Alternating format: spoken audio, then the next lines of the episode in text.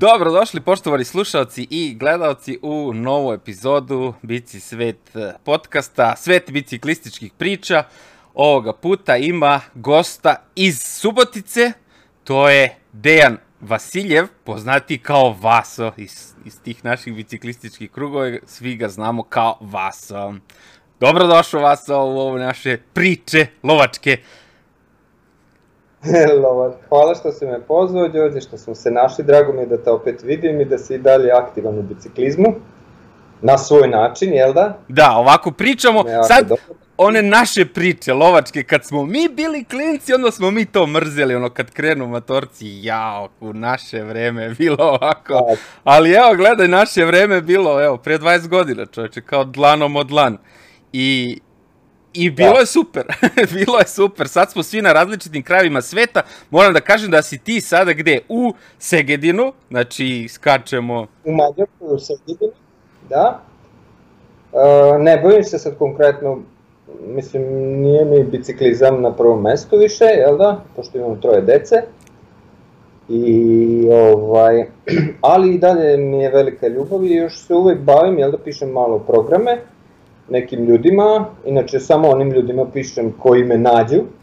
Čekaj, stani. Ne reklamiram se ništa. Stani da kažemo, Vaso je trener. Ti si trener, po profesiji si trener. I ono gde ja hoću da, da, šta hoću da pričamo je to što si ti radi u Subotici u klubu Spartak, mi ste tad bili Spartak Vet Zavod, i ono gde sam i ja se sa vama dotako je to kao, čekaj bre, ovi ljudi idu tamo kao avioni, a najveće brdo im je nadvožnjak, ono, mislim, kako to, ono, mi, mi i, Goči, da. Kopaonik i sve, oni tamo gore u, u Subotici, na severnom ledenom polu, ništa, a idu kao avioni, i vi ste stvarno stvorili tamo neke fantastične vozače. A imaju velike noge. da. Kreni kako si ti, da, kako da. si ti upao u biciklizam, ti si bio vozač, ja to nisam ni znao, ja te znam kao trenera. Pa ajde da krenemo od početka. Pa ja, ja sam u stvari bio vrlo bolešljivo dete, kao klinac, jel da? E, šta da kažem, pa imao sam upalu pluća usred leta, na primjer, i to mi se desilo dva puta, znači nešto neverovatno. Često sam bio bolestan, prehlade, e, pa, pa neki padovi i tako. Negde tamo 82. godine sam se zainteresovao za biciklizam preko novina, av, Autosvet ili nešto tako, auto, a ne, Auto magazin se zvala novina i tamo je uvek bio jedan mali članak o biciklizmu ili pola stranice biciklizma. Znači nešto vrlo šturo, jel da? Nije bilo uh, Eurosporta, ne znam, takvih, uh, tad je bio još Screen Sport, naravno mi to nismo imali. Uh, I meni, mene je nekako zanimao biciklizam zato jer kad sam seo na biciklu jako sam se fino osjećao, znaš imaš onu nevjerojatnu veliku, veću mogućnost kretanja, jel da, nego kad ideš peške ili trčiš, e, ali u tome bi Sarma naš mogao da nam kaže više, jel da, on to zna, jer znaš, bez njega nema biciklizma. Da. Pa onda upoznaš neke ljude, tako kao što su oni, slični, pa onda nekako sam ja dospeo u klub preko promocije biciklizma, u stvari sam se prijavio na neku manifestaciju od Subotice do Palića, to je onako rekreativno, nešto bila tura, jel da, e, kako se izvalo, Trimbi, Trimbi, i taj, se, taj Trimbi se svake godine održava za 1. maj. Onda su masovno subotičani išli, e, da kažemo, letnjim putem na Palići i na Paliću je bilo ono, neka završnica. I tamo su se okupili iz kluba uh, momci, tadašnji uh, vozači, jel da, i oni su na jednom uh, futbalskom terenu išli krug oko futbalskog terena na atletskoj stazi, jel da, i tamo je bio poziv dođite u klub i tako sam ja dospeo u klub. Mene u stvari najviše zanimala mehanika, jer sam volio jako da čačkam te delove, ovo ono, i nekako me, zbog toga sam otišao, na kraju sam eto završio kao trener. e, kao, uh, A bio kao, si biciklista? Uh, vozač, Da, da, bio sam biciklista, kao vozač nisam imao neke velike rezultate, ali nisam uh, ni bio onako, da kažem, fanatično zagrižen za biciklizam ko biciklizam, nego više ono, idemo, zezamo se, imam tamo fine drugare, imao sam ovog, mog Ke, uh, Vujković Lamić Marka, pa sam imao Kereš i Mikloša, Kereš i Mikloš je bio dobar vozač već, jel da? A pre mene je bila jedna, jedan, jedna generacija pre nas od kojih smo mi, da kažem, učili, jel da, šta i kako, uh, Kovač Aurel, uh, to su generacije 68. Schmidt Robika, Kalmar Mikika i Bartol Atila. E sad, taj Kovač je jako zanimljiv, on je na mene mnogo uticao, jel da, jer on je, on je bio kapacitet, jel? I on je bio čovjek koji je trenirao, kad je on mene ispričao šta je trenirao, ja sam se ono. Ali taj čovjek nikad nije bio bolestan. Naravno, jer se puno kretao, jel tako? Jer kre, znamo, danas, danas znamo da kretanje i ishrana su u stvari ključ zdravlja. Jel da? A što Jens Voigt kaže, mein Körper ist mein Kapital, jel? Da, da, da. Moje telo je moj kapital, on misli tu, jel da, nam zdravlje njegovog tela, jel da? I sad, taj Kovač, mogu samo jednu malu priču, moram da kažem o tom Kovaču, koja on marka mogao da bude zaštitni znak možda tadašnjeg jugoslovenskog biciklizma, ali eto, kod nas je počeo, pa tamo se nije pila voda do aprila, jel da, i takve stvari su, su se, da kažem, sprovodile nestručne, jel da? On je čovjek kao ka, kadet, kao kadet pobegao sa Mikošem na nekoj trci oko Novog Sada koja se završavala u Novom Sadu, jel da? I on kao kadet daje Mikošu smenu. Mikoš je tad još vozio u Čukaričkom. Znamo ko je Rnjaković Mikoš, čovjek koji je pobedio Bergamasku, čovjek koji je bio sportista, uh, u stvari biciklista, naj, uh, najbolji biciklista u velikoj Jugoslaviji. Znači on je marka, znači on je stvarno jedan brend. Mogao isto da bude, naravno. A, I taj mali kovač, tadašnji mali kovač, pobegne sa njim i ono imaju jednu solidnu prednost ispred velike grupe, to je već prednost koja ne može da se ulovi, idu na venac i Mikoš proba da ga otrese. I ne uspe, Kovač mu skoči kontru, pazite, kadet, kadet. skoči kontru Mikošu. A Mikoš je šta, junior, senior? Pa junior, senior bre. Senior. Tada su, e, da, da se vratimo, tada nisu bili zaštićeni kadeti, da kažem, jel da, sa prenosima kao danas, Da, da. Znači kadet je mogu da vozi i seniorsku trku, a mogu da vozi i, i veliku 13, je li tako? Mm. Znači uopšte nije bio zaštićen. Mislim, zdravstven, sa zdravstvene strane fiziološke gledano. I Kovač je skočio Mikoš u kontru, znači nešto nepojemljivo, meni to i dan danas nekako. I rekao mu je, ako, me prvo, ako mi još jednom skočiš, otrešću te. To je rekao Mikoš. Svaka mu čast. I sa takvim čovekom sam ja svaki dan, mislim svaki dan trenirao, jel da? Da, da, bravo. Da, A, isti kovac je... Čekaj, e, samo izvini što te znači... prekidam za kočom, ali reci mi samo biciklisti tvoje generacije, sa kim si ti vozio, znači kim si se ti trkao? Da. A, pa biciklisti iz moje generacije, njih sam već spomenuo, znači uh, iz mog kluba moji drugari, jel da, ko, uh, Kereš i Mikloš koji je uspevao da, da na kupovima Srbije recimo ulazi u tri, on je bio jak i dosta dobar. Uh, Vujković Lamić Marko, on je, on je bio dobar vozač isto, ali ni on kao ni ja ušli smo u 10 i tako. Znači nismo na prvenstvu Vojvodini smo mogli da uzmemo medalju, ali već na prvenstvu Srbije i na kupovima Srbije tamo već nismo. Dolazili smo, ja sam, meni bio mislim najbolji plasman, jedno treće mesto, ali to tek kasnije negde, a kao kadet junior sam uspevao da uđem u pet i tako, obično je bilo neki kupovi Srbije, sećam se, prvi šest se nagrađuje, ja budem sedmi, znači taman izađem iz nagrade. Znači, a koja je to, mi je ona bila, koje su to godine? Sloveniju na trku, Znači, to... to su godine tamo 86. 7. Znači, odemo na trku Velika nagrada Roga, prvi deset se nagrađuje, Vasiljev Dejan 11. Znači, i tako. Znači, Ali pazi, to je vreme stare juge, to je vreme stare juge, to su vrhunski to biciklisti.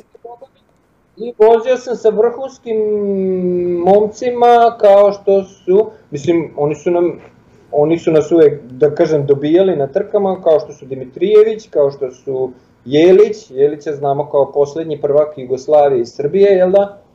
I tako neki momci, ali oni su već onda radili intervalni trening, u čemu mi nismo imali pojma, znači to je. Ja sam nešto čuo, ali mene to još onda nije interesovalo, jel da?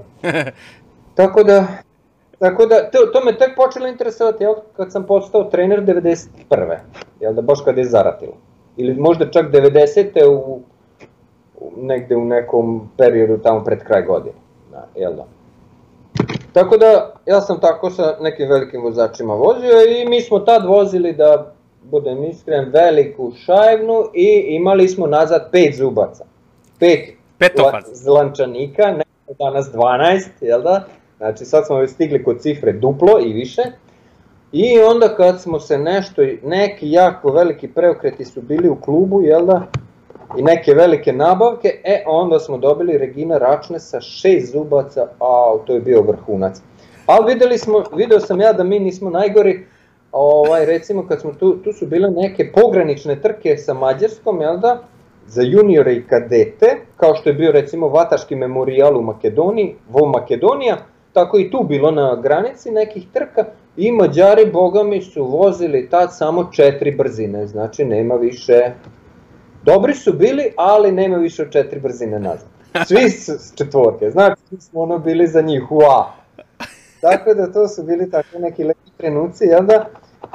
bezbrižnog vozikanja i, i tako biciklovanja, padanja, lomljenja ključnih kostiju i, i, i tako. I tamo uđeš u formu, prehladiš se, zato jer nemamo pojma o Da, da, nemamo pojma o ishrani, uđemo u formu negde tamo u, u, u martu, april, a kraj aprila, a državno je u junu, znaš, i tako. Znači, Znam. baš kad ne. Znam. tako da, Uh, kad sam postao trener, u stvari tamo 90. godina, 91. sam odlučio da ja to izmenim. Ja, e, ja sam mislio da će to sve fino tako da ide. Ajde, da, da, sad, će to, sad ćeš ti sve da proveriš, da penjaš sve. Ajde sad ispričaj nam o tome, kako, znači tvoj prelaz iz tog, uh, da kažem, sportskog, biciklističkog, trkačkog dela u trenerski, to nije, to nije bilo tako jednostavno. Pa moj prelaz si baš bio postepen, znači u smislu toga da ja nisam ostavio biciklizam, to je treniranje skoro nikad. U stvari imao sam pauze od godinu dve, znači jedna godina je bila vojska, jedna je godina bila tamo negde kad se Spartak uh, već, ili dve, u stvari dve godine, kad se Spartak već zavod, uh, uh, da kažem, kad smo izgurali Margetićevu generaciju i kad smo, kad smo, nismo, nego su hteli, da Margetića zadrže u klubu, jel da? E sad, vratit ćemo se ma, malo, malo ćemo opet se vratiti na Kovača, e, baš zbog toga jer posle je on značajan u Ajde. daljem toku događaja. Ajde. E, ta isti Kovač, jel da, koji je Mikošu rekao da nemoj da mi skačeš jer ću te otresti, e, taj isti Kovač je recimo sa markama kao što su Jure Pavlić i Sande Papež kao junior, na trci Alpe Adria pobegne sa njima i lovi jednog i drugog. Znači ovi počnu da skaču, on lovi jednog i drugog. Znači on kao junior, zato jer mu je da li je Zanoškar bio reprezentativni savezni kapiten ili ko je bio tad, ne sećam se tačno, taj mu je rekao moraš da loviš i jednog i drugog. I kaže Kovač ja sam lovio i jednog i drugog, a da sam imao pameti ja bi im skočio kontru, on nikome ne bi dirao, U stvari mu je to rekao Jure Pavlić posle trke. Što ti nama nisi skočio kontru, mi te ne bi lovili, jer smo mi gledali jedno drugo. E, to su te škole koje on treba da nauči, jel da, u, u, u, u Spartaku, to jest u klubu, a nije naučio. I, I to sam ja u stvari posle pokušao da ispravim, po dosta mislim i uspešno i ti si se, eto vidiš, čudio zašto ovi dobro idu uzbrdo. jel da, nemaju nigde brda i stvarno je tako. Ali ne samo uzbrdo, nego i taktički su moji mm, takmičari bili, da kažem, ajde, relativno dobro potkovani, jel da? Što se tad tako žargonski govorilo, jel da? Jer sam video da Kovač, recimo, koliko bi on, recimo, mogao mnogo, mnogo više da da od sebe, jer on je svaku školu morao da plati, jel da?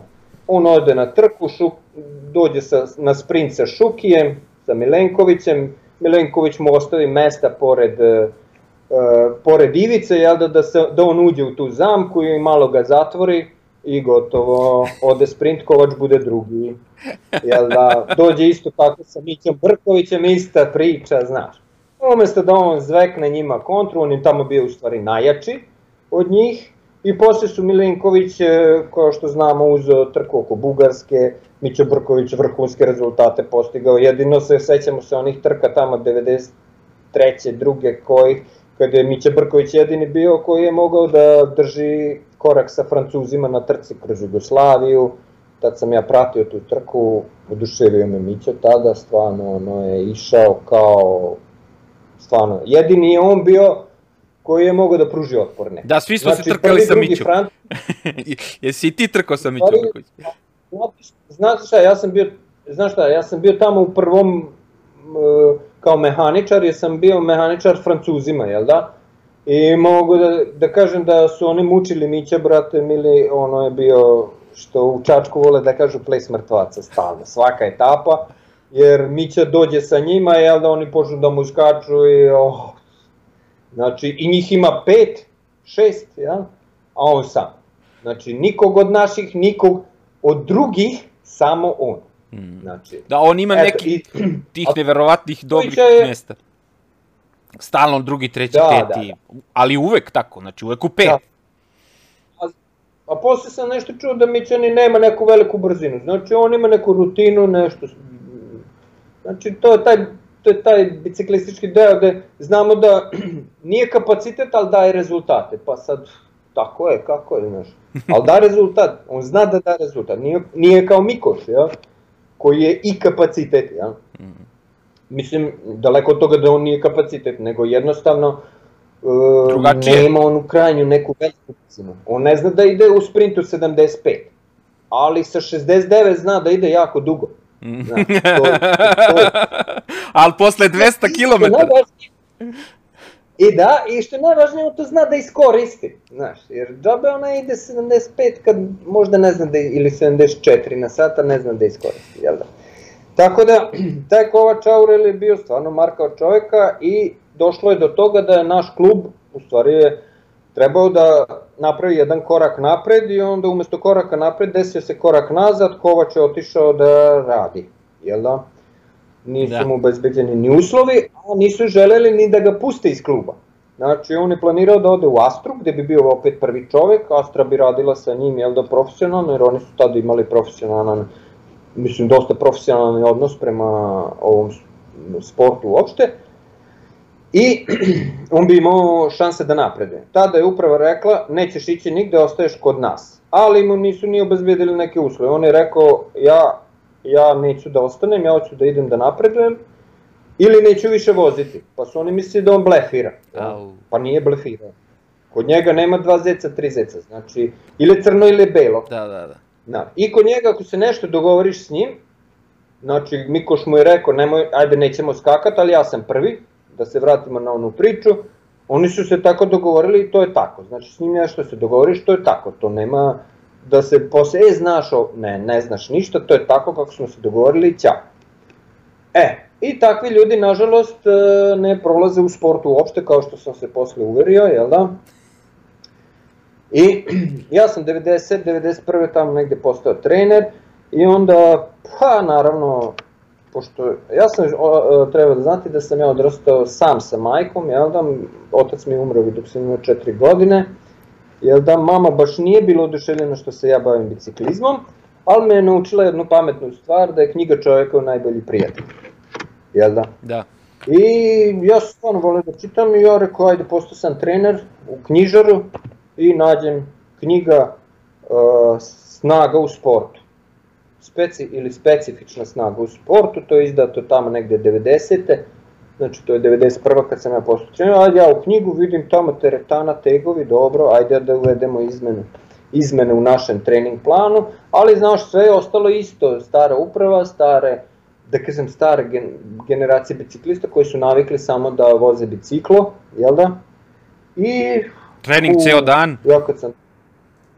Da, da, da, ja kad sam, da kažem, pokušao te, to je, meni je to bilo sasvim normalno da uzmem i da to izmenim, da ubacim dve teretane nedeljno ili jednu teretanu ili barem u pripremnom periodu i tako.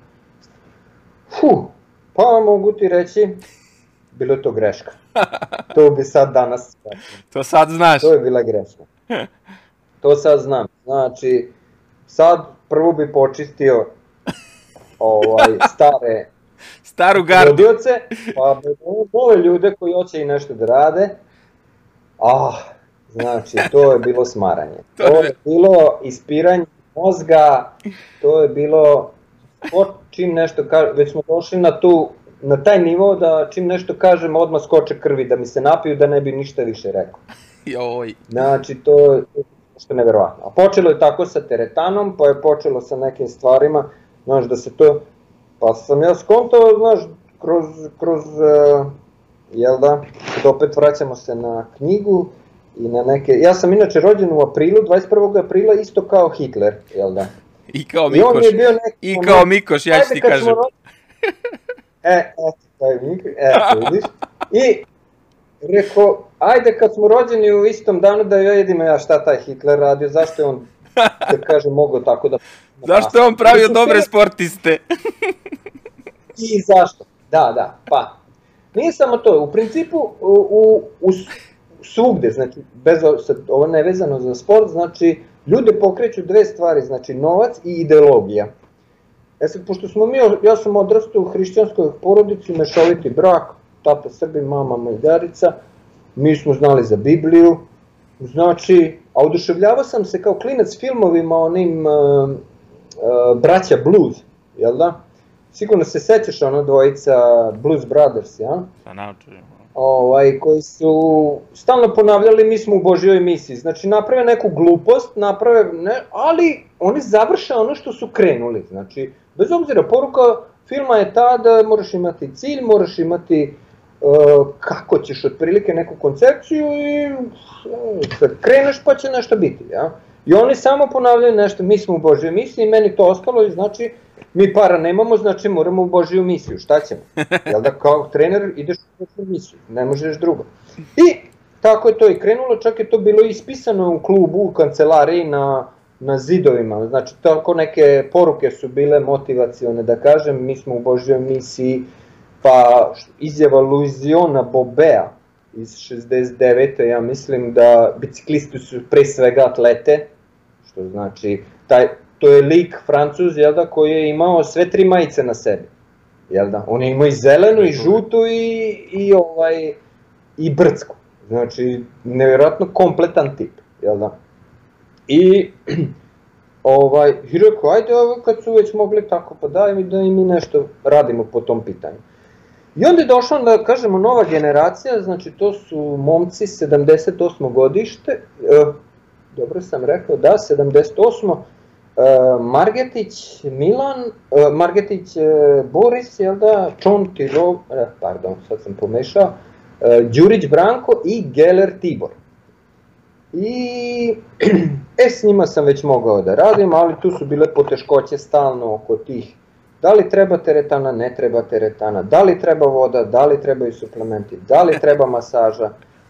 Treba, ali treba. nema ko da radi. Onda ko će da uradi, onda ko će vas da uradi, jel? Znači, ja sam dok je došla trka već bio smoren i onda kad dođem kući s trke, onda moram još da predam u pet novina ovaj, rezultate, svakom pojedinačno posebno, jel da, telefonom. A pravili ste znači... rezultate, ja ulazim u generaciju kad je Margetić bio, ja ulazim u biciklizam u tu generaciju kad je Margetić bio junior i kad je bilo ko je došao Margetić na trku, beri kožu na šiljak, ono, bukvalno. I da. ti momci su išli stvarno super. Zahvaljujući tebi. Da.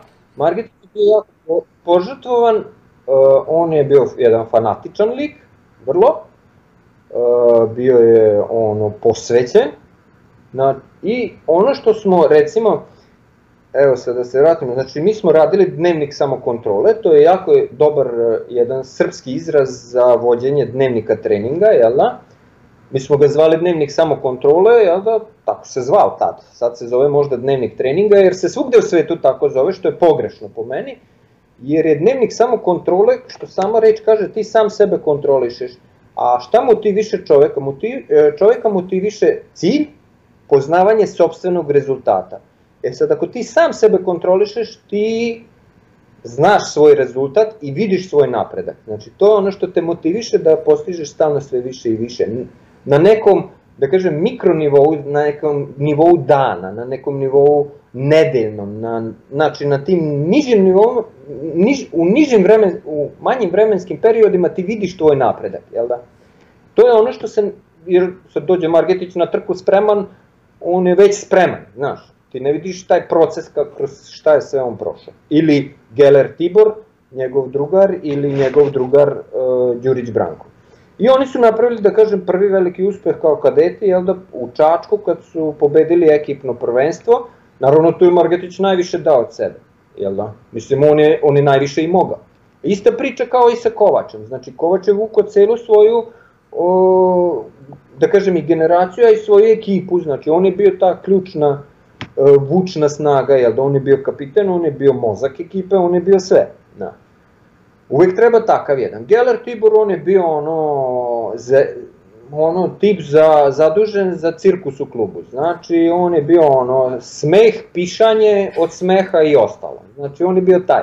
Ali je bio vrlo velik kapacitet, fizički potencijal i nije bio uopšte naivčina. Znači, nije on bio ko ja, ono, dođem u biciklizam pa se vozam. Znači, on je bio ono, i moje, znači, i bio jako prgav. Znači, kao takmičar je bio prgav kao ovako posle, između dve linije, ne, ne daj Bože da se nešto zakačiš s njim jer onda si ga nagrebe. Ali ako i posle dve linije starta i cilja, onda, onda je to žurka, to je zezanje, to je glasna pisma, to je marama na glavi, to je glupiranje neko. Jel da? A Đurić Branko im, i Geller Tibor su bili najbolji drugari, pa su tako oni zajedno došli jel da, u klub. I oni su već prve godine, da kažemo, ovog uvođenja novog treninga imao sam sreće da je Mamožić Ladislav, eto to mu je jedini velik potez, što je doneo, doveo u klub profesora Ivana Jankovića, a, koji je na DIF-u, jel da, u Novom Sadu bio, bio profesor, ali je tad bio kod nas u Subotici, ne znam tačno zbog čega, koji je to bio tačno razlog, on je u početku meni pisao program koji sam ja sprovodio sa klincima i vraćao sam njemu informacije nazad i onda na osnovu tih informacija znači ta povratna veza, opet je pisao sledeći. Program, mi smo jednom nedeljno seli ili tronedeljno, ne, jednom nedeljno smo seli, napisali program i taj program smo odradili. Isto to sam ja radio sa klincima, jednom nedeljno, znači sednemo, ja im dam program i oni u subotu i nedelju znaju koju trku voze, e, šta će ko da radi na trci, šta su čije dužnosti, da šta će biti trening e, preko nedelje, kad su ti treninzi, znači sve je bilo da kažem isprogramirano, jel da? I u stvari to što si ti video 98. to je u stvari bio rezultat toga.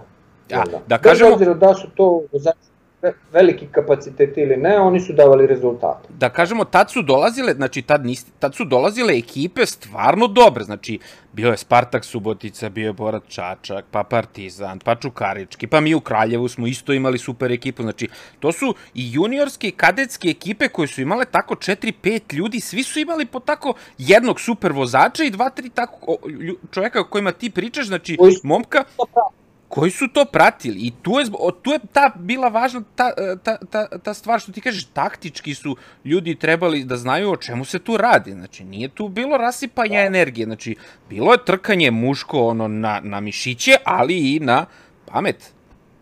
Da, da, pa u stvari, uh, evo, inače sam se ja, evo da počnem šta i kako, ja, E, bicikli, moramo da definišemo pojam, jer šta je biciklizam, drumski biciklizam? Biciklizam je igra snage i razmišljanja, znači moraš da imaš jedno i drugo, da bi bio u vrhu. Ne možeš samo da imaš snagu, jer onda, onda si uvek drugi, peti, sedmi, jel? Ako, im, ako samo razmišljaš, onda ne možeš da stigneš u situaciju, jel da, da budeš ovaj, u vrhu, jer nemaš snagu, znači to je to. I uvek kažemo, jel da, kad kažemo, pa bio je jači na kraju. Jeste to e, sport izdržljivosti, ali opet je onaj jači pobedio. Zašto je on jači? Zato jer je brži, zato jer je, jer je jednostavno jači, jel? znači možda su oni, znači onaj što je drugi, njegov VO2 je isti kao i ovom prvom, možda čak i veći, ali džabe kad je ovaj jači, jel da? I u glavi. Znači, to je, da, tačno, tačno. Znači, kad su ljudi umorni, oni najviše greše, jel?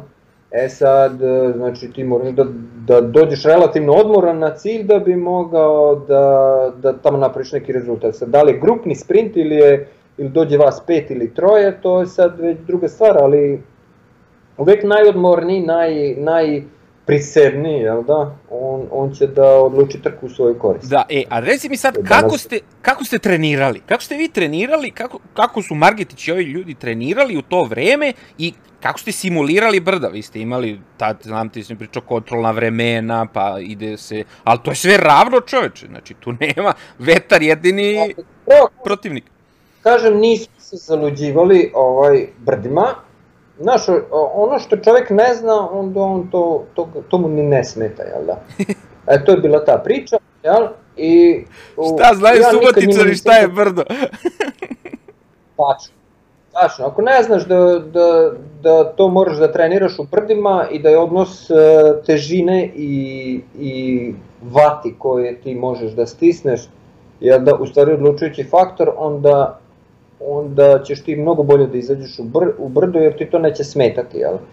To su, to su te, da kažem, današnje, uh, huh, da, i, da ipak, tako definišem kao neke kočnice zašto čovjek ne ide uz brdo, jel? Zašto ne može da ide uz brdo. Jeste jasna stvar da stvarno odnos e, visina težina, odnos e, kilogrami vati odlučuje, ali, ali ipak ima tu jedan psihološki faktor, jel da? Ako ti to ne znaš da ti to ne možeš, onda ti to možeš i gotovo. Ovaj, e, da. E, Bravo. smo trenirali u stvari, e, baza našeg treninga bio intervalni trening i tu sam isto imao jako velikih problema, jel, jer svi treniraju puno, jako puno i još više, a mi smo trenirali što manja, što efikasnije. I moji takmičari juniori su imali oko 7000 km godišnje, što uopšte nije puno. Jel? Šta, čekaj, juniore. sedam, S- sedam, 7000, čekaj. da obrosi. čekaj, stani, stani, hiljada. stani tu. Znači, tvoji juniori su išli 7000. Vidi, ja sam kao junior išao od 15 do 20.000. Znači, ja imam svesku. To je velika, to je velika greška. Uh, naši juniori su išli 7 do 7 8 to je Margetić išao toliko ova dvojica nisu možda imali ni polovinu a recimo kao kadete Geller dr- državni prvak u Čačku Gasi, Pojedinačni. gasi emisiju, znači neću da E, razgovaram više svaka čast. Isto ovo što- ova tvoja reakcija, ova tvoja reakcija, jednom sam vozio peči, peči kup u Mađarskoj ja sam tu trku uzeo i momci koji su se tam takmičili s njima, vidim ja oni isto voze Pinarello, znaš. I, a meni je Pina, u stvari ja tad nisam imao Pinarello, samo sam imao želju da imam Pinarella. I pitam ja njih za bicikle gde su kupili ovo ono i oni ono, je, on se nama javlja, a, a mi smo drugi, treći, znaš. Vidiš prvo to njima po očima i onda oni počnu da pričaju nešto i pitaju oni mene odmah prvo kilometre. Pa Mm. koliko ti imaš kilometra? A oni, znaš, leže, izvalili se, ne mogu da stoje, znaš, ja onako stojim, gledam ih, šta im je. I oni kažu, kažu, ovaj, kažem ja njima, pa ne bi vi to da znate jer, jer ćete pasti u nesvet. Kažem ja njima. Ne, ne, pardon, nisam im rekao paštite u nesvest, nego ćete ostaviti biciklizam, znaš. Onako ja se zezam. Oni kažu, ma ne, pa nemaš valjda tako puno. Ja pitam njih, ajde koliko ti imaš? Jedan se ispostavi da radi spinning i da on ukupno oko, ima oko 20.000 km sp- spinningom zajedno godišnje. A drugi je negde ispao oko 15.000. Pa to, 16. stoko smo mi išli. Da. I ja njima kažem, pa momci, držite se sad, znaš, onako malo teatralno, oni, oni sad misli 30.000 ili nešto. Ja kažem njima 7. A oni onako, 7? Lepo sam vam rekao da ćete ostaviti biciklizam. Šta sad? Eto, vidiš, ja, I tako, čoveče, tako je bilo. Bogdan. 20 godina kasnije Da, ja da. saznajem evo tajnu. Sedam, taj misteriozni broj sedam. Da, da, mi smo imali, da kažem, imali smo znanje, imali smo, da kažem, potrebne informacije, ali nismo imali mašineriju da to, da kažem, i, prog i propagiramo i da, da kažem, da to zadržimo. Znaš, spo, spoljašnji uticaj jako puno uh, imaju, uh, pos, pos, posebno u kasnijim fazama, spoljašnji uticaj imaju jako, jako ovaj, na rezultati, znaš, dođeš u nedoumicu i evo ti ja imam 7000 km, ova ima 15, možda on zato ponekad bolje ide. Znaš, imaš i loših dana, iako imaš 7000 Da, da. km ili 9, sve. Znaš, E, ali evo i Stević može da kaže da je najbolje, najbolje rezultate postizao sa 16.000 km godišnje. E, samo, da, samo da se ja nadovežem na ovu tvoju priču, u jednom od podcasta pričali smo sa Ljujićem koji je baš o tome pričao, da smo da je ta njegova generacija u to vreme bila pretrenirana i da tek onda kad su krenuli oni sa da. trenerom Goranom da, da rade, kao idemo dva sata na trening, znaš, ono, kod nas je bilo kao da za dva sata se ne oblačim, znaš, ono, ne, i on to isto da, kaže. Da. Ja sam to isto nasledio, znači, te starije generacije o kojima da, da. svi pričamo, znači, kao bez četiri sata ne sedaš na bicikl, znaš, a to je onda na kraju godine da, da. ti da tu, tu kilometražu, ali si, ono, to je, on kaže, pretreniran, evo, to i ti sad istu priču pričaš, i što ono što kaže, da, vi da, ste imali samo... znanje, Da, Zašto mi smo tako? imali znanja, ali nismo, nismo imali, recimo ja nisam imao ni podršku u klubu oko toga svega, jer ja sam stalno nešto tražio, ja tražiš gumu, onda ti nešto tražiš, znaš, tražiš, ali to sam čuo i od Miće, jel, ovog Živkovića, sve sam poslušao da su, znači, oni imali iste probleme. Recimo, evo samo da jedan doživlja iz, iz, iz 91. druge. Uh, ja sam teo da na trku nosim rezervne točkove, što je danas normalna stvar, u stvari, i onda bi bilo normalna stvar, nego smo mi bili u jednom nenormalnoj sredini, jel da? U sredini u kojoj svi kasne, kao prvo, u sredini u kojoj niko ne radi i onda samo nešto pričaju, znaš. I onda sam, ovaj, recimo, imao sam problem, tražio sam rezervne točkove, opet ja nešto tražim, znači ja sam bio ono, ono, bu, neki koji traži, znaš. I pošto sam bio i mehaničar i trener i master i sve, onda su, vidim ja tamo neke žbice imam u klubu, ali su kratke, znaš. Pije. Imam glavu, imam žbicu, imam felnu, ali ništa ne odgovara, znaš. Ja uze ušniram kao što se danas šniraju ovi radijalno točkovi, znaš. Mm. Pa je Margetić to i nosio na, to je bio rezervni točak. Prednji ušniram, pošto sam imao znanje, jel da, iz mehanike i u školi, jel, radi aksijalne sile, ovo ono šta se može, šta se ne može, i ja ušniram točak da bi imao rezervne točkove na, trk, na trkama. I ušniram zadnji sa jedne strane radijalno, sa druge strane ovaj u ono tri šniranja, jer toliko sam žbica još imao. Znači iz onog što sam imao sam napravio ono što mi treba, jel da? Ali nije bilo, nije bilo ono na što smo navikli, nego je bilo nešto sasvim novo. E, Čovječe, meni su ispirali mozak jedno tri meseca oko toga. Pa da si ti, znači, da su, samo da su čutali već bi, već bi mi bilo bolje. Ne, držali su mi predavanja oko toga kako će ta žbica da iščupa onu glavu i ne znam šta. Meni čovječe treba, pa mi točak, pusti me da se, ne interesuje me ništa. Hoću rezati. Jeste mi nabavili rezati? Niste. I kad uzmeš stvar u svoje ruke i napraviš nekako drugačije, odmah evo ti, krvopije, evo ti, ne može to tako. Yeah. Morski paukovi, morski znači, paukovi, imam ja tekst na bici sve. Morski paukovi. Da, biti trener, biti može misli, to ti ono, ne znam, kazna. Kazna. Kazna. Šta da kažem. Ali ima lepih trenutaka, znaš, jer ovaj, da kažem, ti ljudi koji su tamo prošli kroz klubi, cure ove, koji su vozile kod nas, jel da, uh, Pa postali su bolji ljudi, jel, paze na ishranu i dan danas i zdravi su, izvu, izašli su zdravi iz sporta, jel da? E sad neki, neki koji su zadržali, da kažem, te navike, oni su, oni su ost, i dalje zdravi, možda su se vratili biciklizam, neki se vrate, neki ne, ali paze na sebe, znači što je najvažnije u današnjem svetu, da paziš na svoje zdravlje, jer e, nije zdravlje sve, ali ako ga nemaš, onda nemaš ništa, jel da? Ja moram da kažem, da... ja moram da kažem kad smo se čuli za, za, za, za ove koji slušaju i gledaju, kad smo se čuli u pripremi za, za ovaj razgovor, da si ti, jedno od pitanja koje si ti mene pitao je bilo koliko imaš kilograma, jel voziš bicikl? znači, to je... Da, da. To je to, da. iako ono, daj vas o neko lakše pitanje, ono, kad će mir u svetu i to, mislim. da, I viruse za, za ovce, za, za miševe i tako, to nije za nas. To nije za nas. Dobro. Ovaj, Reci mi e, sad... Naše da se bavimo sportom, bavimo sobom. Da, da se bavimo sobom. Uh, reci mi sad, znači generacija Margetića, ja se sećam, on je izgurao do seniora, znači sad pričao pričao da smo svi nekako vrlo brzo prestali da vozimo. Znači Margetić je uh, izgurao do seniora i... A dobro, i nestao. I nije samo on, nego mnogo ljudi, znači mnogo te generacije, ta baš 78. 7. 8. par godina su gurali i i ja mislim da, da i njima ostaje praktično žal što nisu duže trajali u sportu, jer su stvarno bili uh, fantastični vozači i kapaciteti. Pa jeste, ali um, krenulo je kao Božja misija, ali ne može stalno da budeš u Božjoj misiji i da ne dobiješ pare za to što radiš, jel da?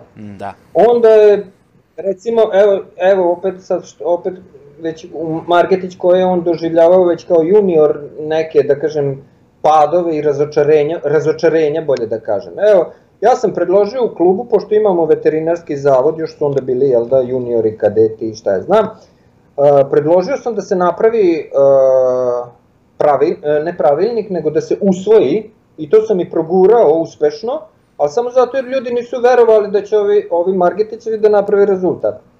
Ja sam tražio da se napravi cenovnik, da kažem, premija, u stvari premije, koliko koja pobeda košta. I dao sam predlog i ovi su veliko dušno prihvatili, ma neće ovi Margetićevi ništa uraditi, beži bre, to su patikaneri. Ja, Margetićevi na kraju godine saldo podvučeš 1500 maraka tadašnjih. A, dobro, maraka. ajde, to, to pretvoreno, bilo... pretvoreno iz rezultata. Reci nam koji su to rezultati, znači to su pobede pa, gde? Margetić je bilo, bio imao četiri, četiri medalje na prvenstvu Srbije. Znači, u sve četiri discipline je bio u tri, u stvari tri je pobedio, a, a u, u Brdskom je bio drugi. A samo zato, neću da ga branim ili nešto, ili da kažem zato što je on, nije zato bio drugi jer, je, jer nije, nije, nije mogo da pobedi, nego mi smo otišli sa neispravnim kombijem, zamisli koji su to uslovi bili, na trku, E, koji je e, bio probušen mu auspuh i ulazio nam je ugljen monoksid u, u, u, u kabinu i oni su došli na start čoveče svi sa glavoboljom. Ugušili se. Otrova. Pa da. Eto, šta da ti kažem, i sedaš na biciklu i on bude drugi, a Geller Tibor, onaj kapacitet što ne trenira, on bude treći na brdskom prvenstvu, zamisli. Znači, stane ti mozak. Nikad je tad pobedio brdsko, ja mislim, ali samo zbog tog trovanja čoveč. Da, da, A Geller ja... je imao malu tamo... Zašto, zašto ja... Nesuglas... Da, ne su... Zašto ja se ovog sećam? Zato što sam ja sa Nikačevićem putovao na trke. Znači, i mi smo isto tako da. nekim Audijem išli, isto tako, ono, nema što čak. Znači, to su... To su, Iste priče. Pišanje. Da, da, kad se sad ovako nađemo posle 20 godina, pa ima ona kako, e, ono, kao, kako pronaći zajedničku temu za razgovor sa strancima. Ono, kao nađeš nešto gde je i ja, ono, me too, kao, me too, e, e, i da. sad, ono, svi smo, i mi isto smo isto išli sa nekim razvalama na trke, pa hoće, pa ovaj uvek hoćeš da stigneš ili nećeš, kasniš. Takva situacija, samo meni je to bilo, da kažem, tragično, mislim, tragično, meni to smetalo jako, Ti se nisi uklapao. Ponavlja, znači, nisam se uklapao zato jer a možeš da rešiš problem uvek kao što, sam, kao što sam ja rešio problem točka. Ne mora to biti komercijalno ili konve, konvencionalna, konvencionalna metoda koja je u, do sad uvek primenjiva. Uzmi nešto novo uradi, nema veze, samo da je rešen problem i da ga zaboraviš, staviš ga u stranu. Ili, ili si ga rešio pa koristiš to što koristiš i gotovo. Ne, nego se to zaseda, pa se razglaba, pa se razvodnjava, pa da. da uradi. Zato je da se ništa ne uradi. Znači, I tako su funkcionisale te uprave i ponavljaju se iste greške. I dan danas. To ne može tako, to ne može... I dan danas je tako isto. I, da, da, Znači, ako imaš problem, rešiš problem i nema sledeći put ista greška. Da. Kako je ista greška, šta ti? E, ajmo sad Ali, dalje. Definitivno... Ajmo sad dalje, generacije, znači, uh, ja se sećam, kaže ti tu 2000-ih, tu je već bio kraj te generacije. Ovi su otišli za Italiju, ne znam, Margetić se misteroizno izgubio, sad je, sad je u Briselu, tamo i dalje trenira, vidim na stravi da trenira fantastično, yes. trebao je da vozi i Paris Roubaix, pozdravljamo ga. Uh, ajmo sad na, da. na ove momke koji su došli posle. Da, uh, koje su to generacije? Ja, ja znam ja, žolt. Da kažemo, Ticevih, jel da je došla ta generacija Deržot, jel, koga znamo, svi, onda sa njim su bili a, manje poznati Jurić Zoran, On je sa mnom vozio, ja. uh, koji je... E, da, Jurić je bio brz, veoma brzo, brzo nogi što bi rekli. Uh, bio je Čonti Robert, bio je Balo Atila, da li je još bio neko sad? Hu, mislim da su ova četvorka bili. I opet smo kuburili sa onim četvrtim čovekom i se taj kasnije priključio, jel da? E, čekaj, kad si to... Ali, kad si to pomenuo četvrti čovjek, ja mislim da smo nekako, dosta ljudi, ja znam da je gostovalo, baš zbog tog što je falio vozač da je gostovao kod vas u klubu. I gostovao sam i ja jednu trku. Ne znam da se sećaš toga. Da se sećaš te trke? e, ne znam. Ne, e, sad ću ja da ti Znam te ispričam. se, Sad, čekaj, sad koja trka je, molim. trka kroz Srbiju, čini mi se da je bila. Uh, 2001. To si onda već kao senior. Kao senior, Aha, da, ali da, uvek, da, da, da. uvek, ja se sjećam kao klinac, dobro. uvek je neko vozio kod vas kao, kao gost. I ja sam tu gostovao i to je bila sezona kad sam ja išao kao avion, a ja to nisam znao. I vama je trebao čovjek za trku kroz Srbiju, jer uvek je tu bilo, hoće vozi reprezentacija, hoće vozi klub, pa ne. I ja tu sad ono kao krećemo prva etapa, ludilo, ide, avio, ide se Beograd, e, Banja Koviljača tamo negde, ide se na Venac Grebenom gore. I sad ja nešto zadnji od grupe, uvek nekako te proguta grupa, ne znaš da se voziš i ko, ko je bio tu sad? Da, Dača, Dača i Bilas, Dača i Bilas, kako su se oni zakačili na brdu nekom, na, na, na padnu ispred mene, pukne grupa, nešto kao, znači, i ti opet ostaneš pozadi i pustiš i kao, jao, bože, nikako da se vozim ko ko čovjek. I tu srećom neki slovenac dobije defekt. Srećom, neki taj je bio Matej Stare, išao kao avion posle, i vrate se Slovenci da ga pokupe i ja sa njima. Ja umirem, dok smo uhvatili, uhvatili smo negde, ono, tipa ne znam tamo šta je, Ruma neka ili još dalje, ne, ne, ne, ne može da, to se lovilo, sa venca ti loviš grupu, to ide kao avioni. I ja opet zadnji od zadnjih. I tu Šuki, ono, Šuki je ogroman zavetrin, je kao, a, znaš, ono kao, ma ovaj Šuki zna da se vozi, čoveče, beži od njega, on će da se vozi ceo dan na zadnjoj poziciji, doći u sprintu će bude na podijum. I ja kao se promuvam, se promuvam kroz grupu i tu ovaj Varvarjuk, što je bio sad ovaj Ćelavi, ja za njim, da, da, i on čovjek skoči, kao ja, aj tu na točku sam, brate, aj skačem, brate. I pop, ja se okrenem, nema niko, čovječe. Šta sad? Šta ću sad da radim? Ja sam u begu, čovječe. A znači ti već sat, dva si ono, kao još sad ću opustim. Joj, zarad te sad ću opadnem, sad ću opustim. I Sad si odjednom u begu. sad si u jednom u begu i kao dlanom od dlan, tu dolaze svi, dolazi Gajčić, dolazi Furlan, to je Alesijek profi tim, dolazi Stević, dolazi Jan Valah, dolaze svi ovi Česi, znači odjedan put deset ljudi, rešena trka, čo, ja ti vidiš ono, a, a to što ti kažeš, ja sam znao, imao sam tu taj kliker da znam ko šta gde, pratio sam, pratim i sad, to me zanima, i kao, joj šta ću sad, znaš, tek te sad hvata strah, vasa nema nigde, znaš ono, beg, 50 stepeni, jedva ideš na smenu, to se nije spustilo ispod 55-60, ono, jedva prolazi kroz smenu, čoveče, ono kao, umirem, i dolazi vas ovako nasmejan, kao sad, posle tamo negde, ono, kraj trke, joj, Đole, vidi šta ćeš ti tu, ono, kao, joj, šta ću tu, daj, vo- daj vodu, čoveče, udavit ću te. Neće pa prijatno si mi iznenadio, znaš. Pa, ja nisam bio Ali- tvoj čovek, ja nisam bio tvoj vozač. Znaš, kako si ti dospeo uopšte tamo? šta, šta ćeš ti tu? pa da smo znali, znali bi te još pre. Nisam, nisi ni ti znao, ne da smo mi znali. Baš to. razumeš? Baš to, to je ono, ali to je isto ova priča što pričaš o ovom čovjeku koji, sad sam već zaboravio, ovaj Kovač, kako si rekao, da je, kad, da ne znaš, da. učiš na svojoj koži, Nema ko da ti kaže. On je mogao da uzme, kao junior je mogao da uzme trku Alpe Adria. pa, ali, ali ne znaš, to je isto, znači, to sam ja prošao, znači, verovatno, kad ti ne znaš koliko Pa. si dobar, nema ko da ti kaže, nema ko da te usmeri. nemaš. A nemaš, ali gledaj, Zato su moji znali, to je to, vi ste znali, vi ste imali parametre, vi ste, mi smo merili mi kilometar, mi smo merili 200 metara, mi smo testirali non stop. pričaj mi Znaš, to. Zato su momci znali šta mogu. Znaš, e to je, to je, i, a to isto ujedno motiviše čoveka, znaš.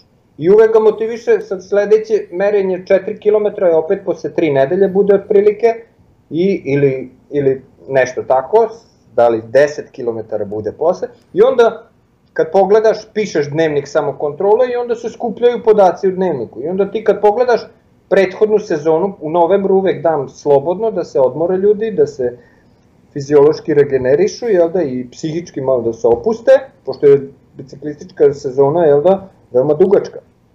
Nije ti futbal iz dve sezone, pa onda još imaš i rezervne igrače i ne znam šta. Pa onog boli noga, uđe drugi, tu nema toga. Pada kiša, ideš, pada sneg, treniraš, nema veze, šta sad.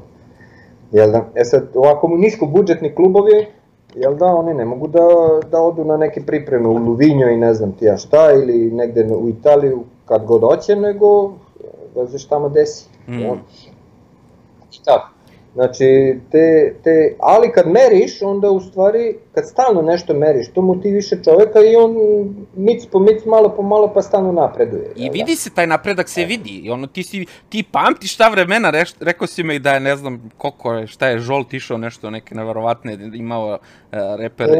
Žolt išao fantastičnih 11 sekundi na 200 metara, jel? E, mene, ja sam tad baš bio u rezervi, jel da neko drugi je merio, ja sam imao neke moje pajtose koji su to izašli napolje, ali vidiš kako se to, sad danas to ne možeš da uradiš, da zamoliš nekog, e, ajde, imamo testiranje, ja, pazi, ja sam u rezervi negde u Đurđinu, znaš, tamo, puška, ne znam šta, a, ali sam imao drugara koji je izašao, to jest on je doveo još jednog da bi to izmerili. Nema tu stajanja, rat je, pa nema stajanja, biciklizam nestaje. Bombardovali su, Imali smo situaciju 99. bombardovanje, mi dođemo sa treninga, ulazimo u Subotice i svi pričaju bombardovanje, pale bombe na paliću. Da ste vi čuli, mi nismo ni čuli da su pale bombe jer smo sprintali baš, kakav bomba, baš šta, razumeš. Ali, e, znaš, danas to možda ne bi ni prošlo, znaš, sad bi, opet bi mi skočili verovatno ono da se napiju, ti si neodgovoran, ti kako sam neodgovoran čovječe, pa ljudi nisu, znaš, nije im mozak zarobljen u tome da će ti pas bomba, ne živiš u strahu jednostavno, nego si na treningu radiš ono što voliš. Pa može i u kući da ti se desi da padne bomba na glavu, a ne, jedno je gde si. Znaš, to, ali pošto smo mi u Božjoj misiji, nama neće doći bomba, jel da? Ti si, ti Tako si da, i dalje u toj Božjoj misiji, ono, i dalje si u, u, u tom optimizmu. Ne, odustaje, Jer to ti je najbolja misija, da pomogneš drugima da, da se izvuku iz nečega i da budu bolji ljudi. Ja? To je u stvari Božja misija. Božja. Čekaj, reci da, mi, stani ovih 11 sekundi, stali ovih 11 sekundi, ne mogu da spam. Jel to od nule? Jel to od nule tih 11 sekundi na 200 metara ili kako, zaleto ono, gde se, gde se to meri? To je iz zaleta. Iz zaleta. Iz zaleta. To je 64 prosek. Wow. To je jako ve... ali on je bio kadet, pa to ti je 100 40 obrta ili koliko. Da, da, da, na 14. Neverovatno. Ograničen prenos. Ali gledaj, nije recimo, pre njega Margetić je već išao 12 sekundi, malo manje, 11 nešto. Znači, Margetić je bio brz. Pa Geller Tibor isto ide 12 sekundi, poziv. Od trojice, dvojice idu 12 sekundi. Ej.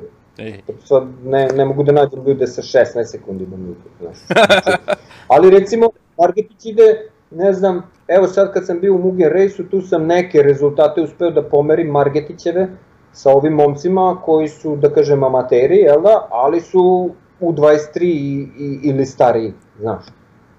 Znači oni imaju i prenos i sve, znači Margetić nije imao prenos, on je pravio 48,5 prosek sam na, na 4 km.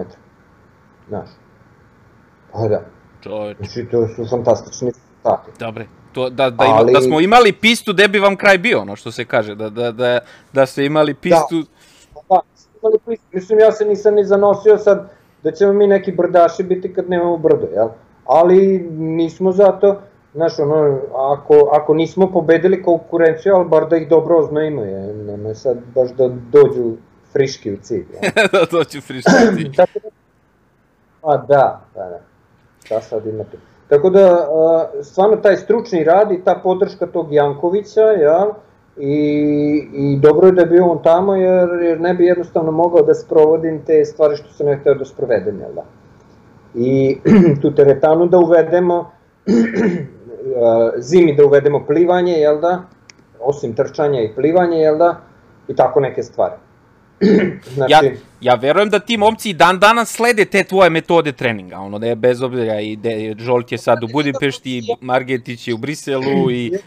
Koji je poslije došao u klub, nisam mu čak ni ja bio trener, tek nešto u startu malo, uh, jer mene su izbacili iz kluba 2001. Jel, jer stalno smo se koškali, znači nismo mogli da sednemo ništa da se dogovorimo. Jel. A, znači ti si tu sa I, tom mojom sezonom završio karijeru, što se kaže. Ja sam tad... Tamo ne, da, da. Tačno, tačno. Ovaj, znaš, ja sam pokušao ipak kroz e, vici, kroz sve, znači kod nas nije bilo ono, bilo je ozbiljno kad se, kad se radi ozbiljno, to je bilo ono kad se piše program, ostalo je sve bilo ono kroz vic, kroz muzik, muzika uvek neka oko ljudi i tako, znaš, jer ipak je muzika tako je pokreće. Znamo sad, sad danas se zna da recimo ova Mozartova sa dva klavira, jel da, sonata sa dva klavira pospešuje rad mozga, pospešuje regeneraciju i tako. Znači, A mi, dobro, mi nismo puštali, puštali Mozarta, nego ja sam deci, da kažem, pustio na volju da nađu muziku, da skla, kasetu, da na, nasnime šta hoće i ja samo puštam. Ne? Onda oni nađu tamo neke i, i, i influence i ne znam ti ja što, sve jedno, samo da ide da se oni dobro osjećaju, samo da, te, da se dobro osjećaju. Da te pokreće, da, da to bude ta motivacija koja tebi prija. Jer da bi uvek samo ono da se zezamo ili da uvek jednog zezamo i onda to je u što je dobro. A da, ali to mi jednom nije dobro. Znaš, jer uvek imaš onu crnu ovcu koga zezaju, znaš. A sad, ne može ni to, znaš, nije ni to, ali to, i od tog crne, te crne ovce da kažemo očekuješ nešto da uradi na trci, pa ne može, on dođe slomljen, razumeš, do starta. Znači, moraš da misliš i na njega nekako, jel? I kako da izvučeš maksimum iz njega, jel da? ne samo iz ovih što će da pobede. Tako da, Stali smo kod žolta. Generacije. Stali smo kod žolta, posle e, dođe... Ko ide posle? Žolt, Ajde, zahvaljujući svom tate, je bio dobar biciklista, ali tako isto on je protraćio svoje vreme u biciklizmu, da kažem, ja? ali je bio izuzetno velik kapacitet, jel da, njegov tata. Sad već pokojni, nažalost, sad nedavno je umro, umro, jel da, ali žolto se evo rodilo beba, Zoe, jel da, sad će imati novih obaveza, Deržolt, jel, osim ovih savezničkih oba, saveznih obaveza. Da kažemo, jel da? za oni koji slušaju, da je on sad šta? On je savezni selektor u mađarskoj ovaj, reprezentaciji, jel da? Za odrasle. Pa ali evo, mogu da kažem, od kad se on pojavio tamo, ipak je on kliker, poliglota, čovek koji priča pet jezika, ima kontakte, jel da? I evo, dešavaju se neke stvari u, u mađarskom biciklizmu što se rezultata tiče. Ja, da? Mađari, evo, ovaj je, sad da li zahvaljujući njemu ili nekoj koncepciji koju on primenjuje, ne znam, ali nešto se dešava. Inače, on kao kadet je išao ekstra.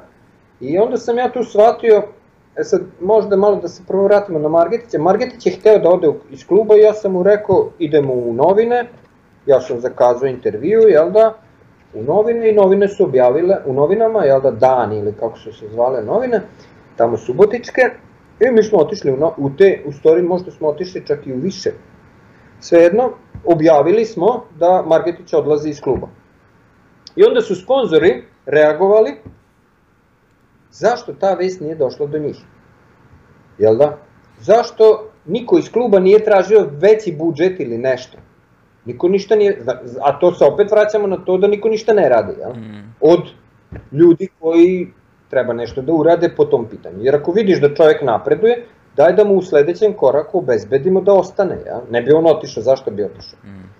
I tu je bilo opet, sad tu je bila, jel da Kovač je otišao iz kluba, da ćete mi bolje, u stvari, ili odlazim u Astro ili ne vozim više. Margetić je trebao da od, teo da ode iz kluba, zato jer tu je vidio da nema leba, nema ekipe, nema ništa, ja, neće moći dugo sam da vozi šta.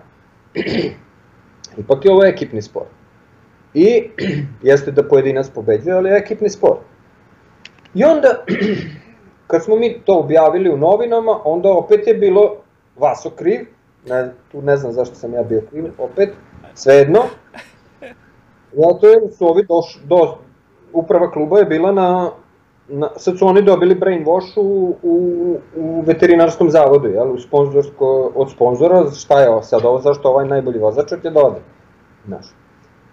E, onda, opet je tu smo upali u grešku, poverovali smo da će se nešto promeniti, ali ja, se nije promenilo. Standard. Jeste što lovo ubica sam, jeste, jeste sve to, nije više postala, da kažem, Božja misija, jel, jer kao što smo malo pre rekli, ili novac ili ideologija pokreće ljude, ali ovaj, sad je Margetić ostao i tu je, sre, imao sam sreću, sreću, uh, imali smo jednog mehaničara koji je u stvari medicinar čovjek, mislim, I, I onda je on taj deo preuzeo, jel da? Pa je klub, klub je postao neka vrsta servisa, servisa za bicikle. I za građane, jel? Ne samo za mm -hmm. ovako. Aha. E sad, on je preuzeo to, uh, ja bi kao postao trener, Margetić bi bio glavni vozač i onda smo sve vozače u stvari doveli sa strane. E, tu je bila greška. Aha, je da, ja se sjećam, tad je Simić to... vozio kod vas, onda Dare iz, iz Užica, ko još je bio? Da, Užica Tašu. A naše vozače nijednog nismo ni pokušali da zadržimo. Znači, Aha. ne ja kao, ne, niko ništa nije pitao, znači ja se tu nisam, ništa nisam pitao. Ne znam, sponsor kaže kupite Dure i Sopremu, oni kupe Shimano 600, koji znamo da je krš, znači za tri meseca propadne. I tako. Znači, to, to je bio takav haos su napravili od onog reda koji sam uspeo da uvedem za šest godina, oni su za ovako, čim je ušao novac, odmah haos. Mm, da, to znači, je uvek tako. To nije samo u biciklizmu se ja snašao, Da, niti sam se ja snašao u tom cirkusu, jel da, niti se Margetić snašao, i nažalost on je posle, jel da, još bio treći na državnom prvenstvu u Mikoš ih je tad u Novom Sadu odvalio, njega Živkovića i, i Živkovića, jel da? I s tim je završio u stvari biciklizam. A to državno, to državno prvenstvo, nismo, e, i to državno prvenstvo je mnogo onako nekako uh, reperna tačka. Posle toga je dosta ljudi prestalo da vozi. Znači, bukvalno, ja mislim da je i Ljujić da. posle toga, Dobro, onda za mene isto bilo kad gledamo mi 90. godine, od 90. do 2000, stalno neki ratovi, sankcije, ovo ono, to je sve desetkovalo ljude iz, iz biciklizma, ali vidiš uprave su ostale, to je interesantno. Znači, uprave ostaju, a biciklisti odlaze. Znači, a kao što znamo, sa glivo, e, riba od glave smrdi, jel? Znači, to se, glava se ne menja, a ostalo se razilazi. Ostalo se. Znači, pff, neke, neke, neke neverovatne stvari, ali kao što sad gledam, sad da nije ovih tvojih podcastova, ja to ne bih znao, to se dešavalo i u drugim pa klubovima. Pa to ti, ti kažem, da ono, mi tu, i kod na, i mi, i mi isto, i mi isto. A, suština je ista. Da, da. Ali znaš, ti imaš generalnog sponzora veterinarski zavod i onda... Vi ste bili baš jaki, s te da- strane ste vi bili baš jaki. E, sad, neki budžet.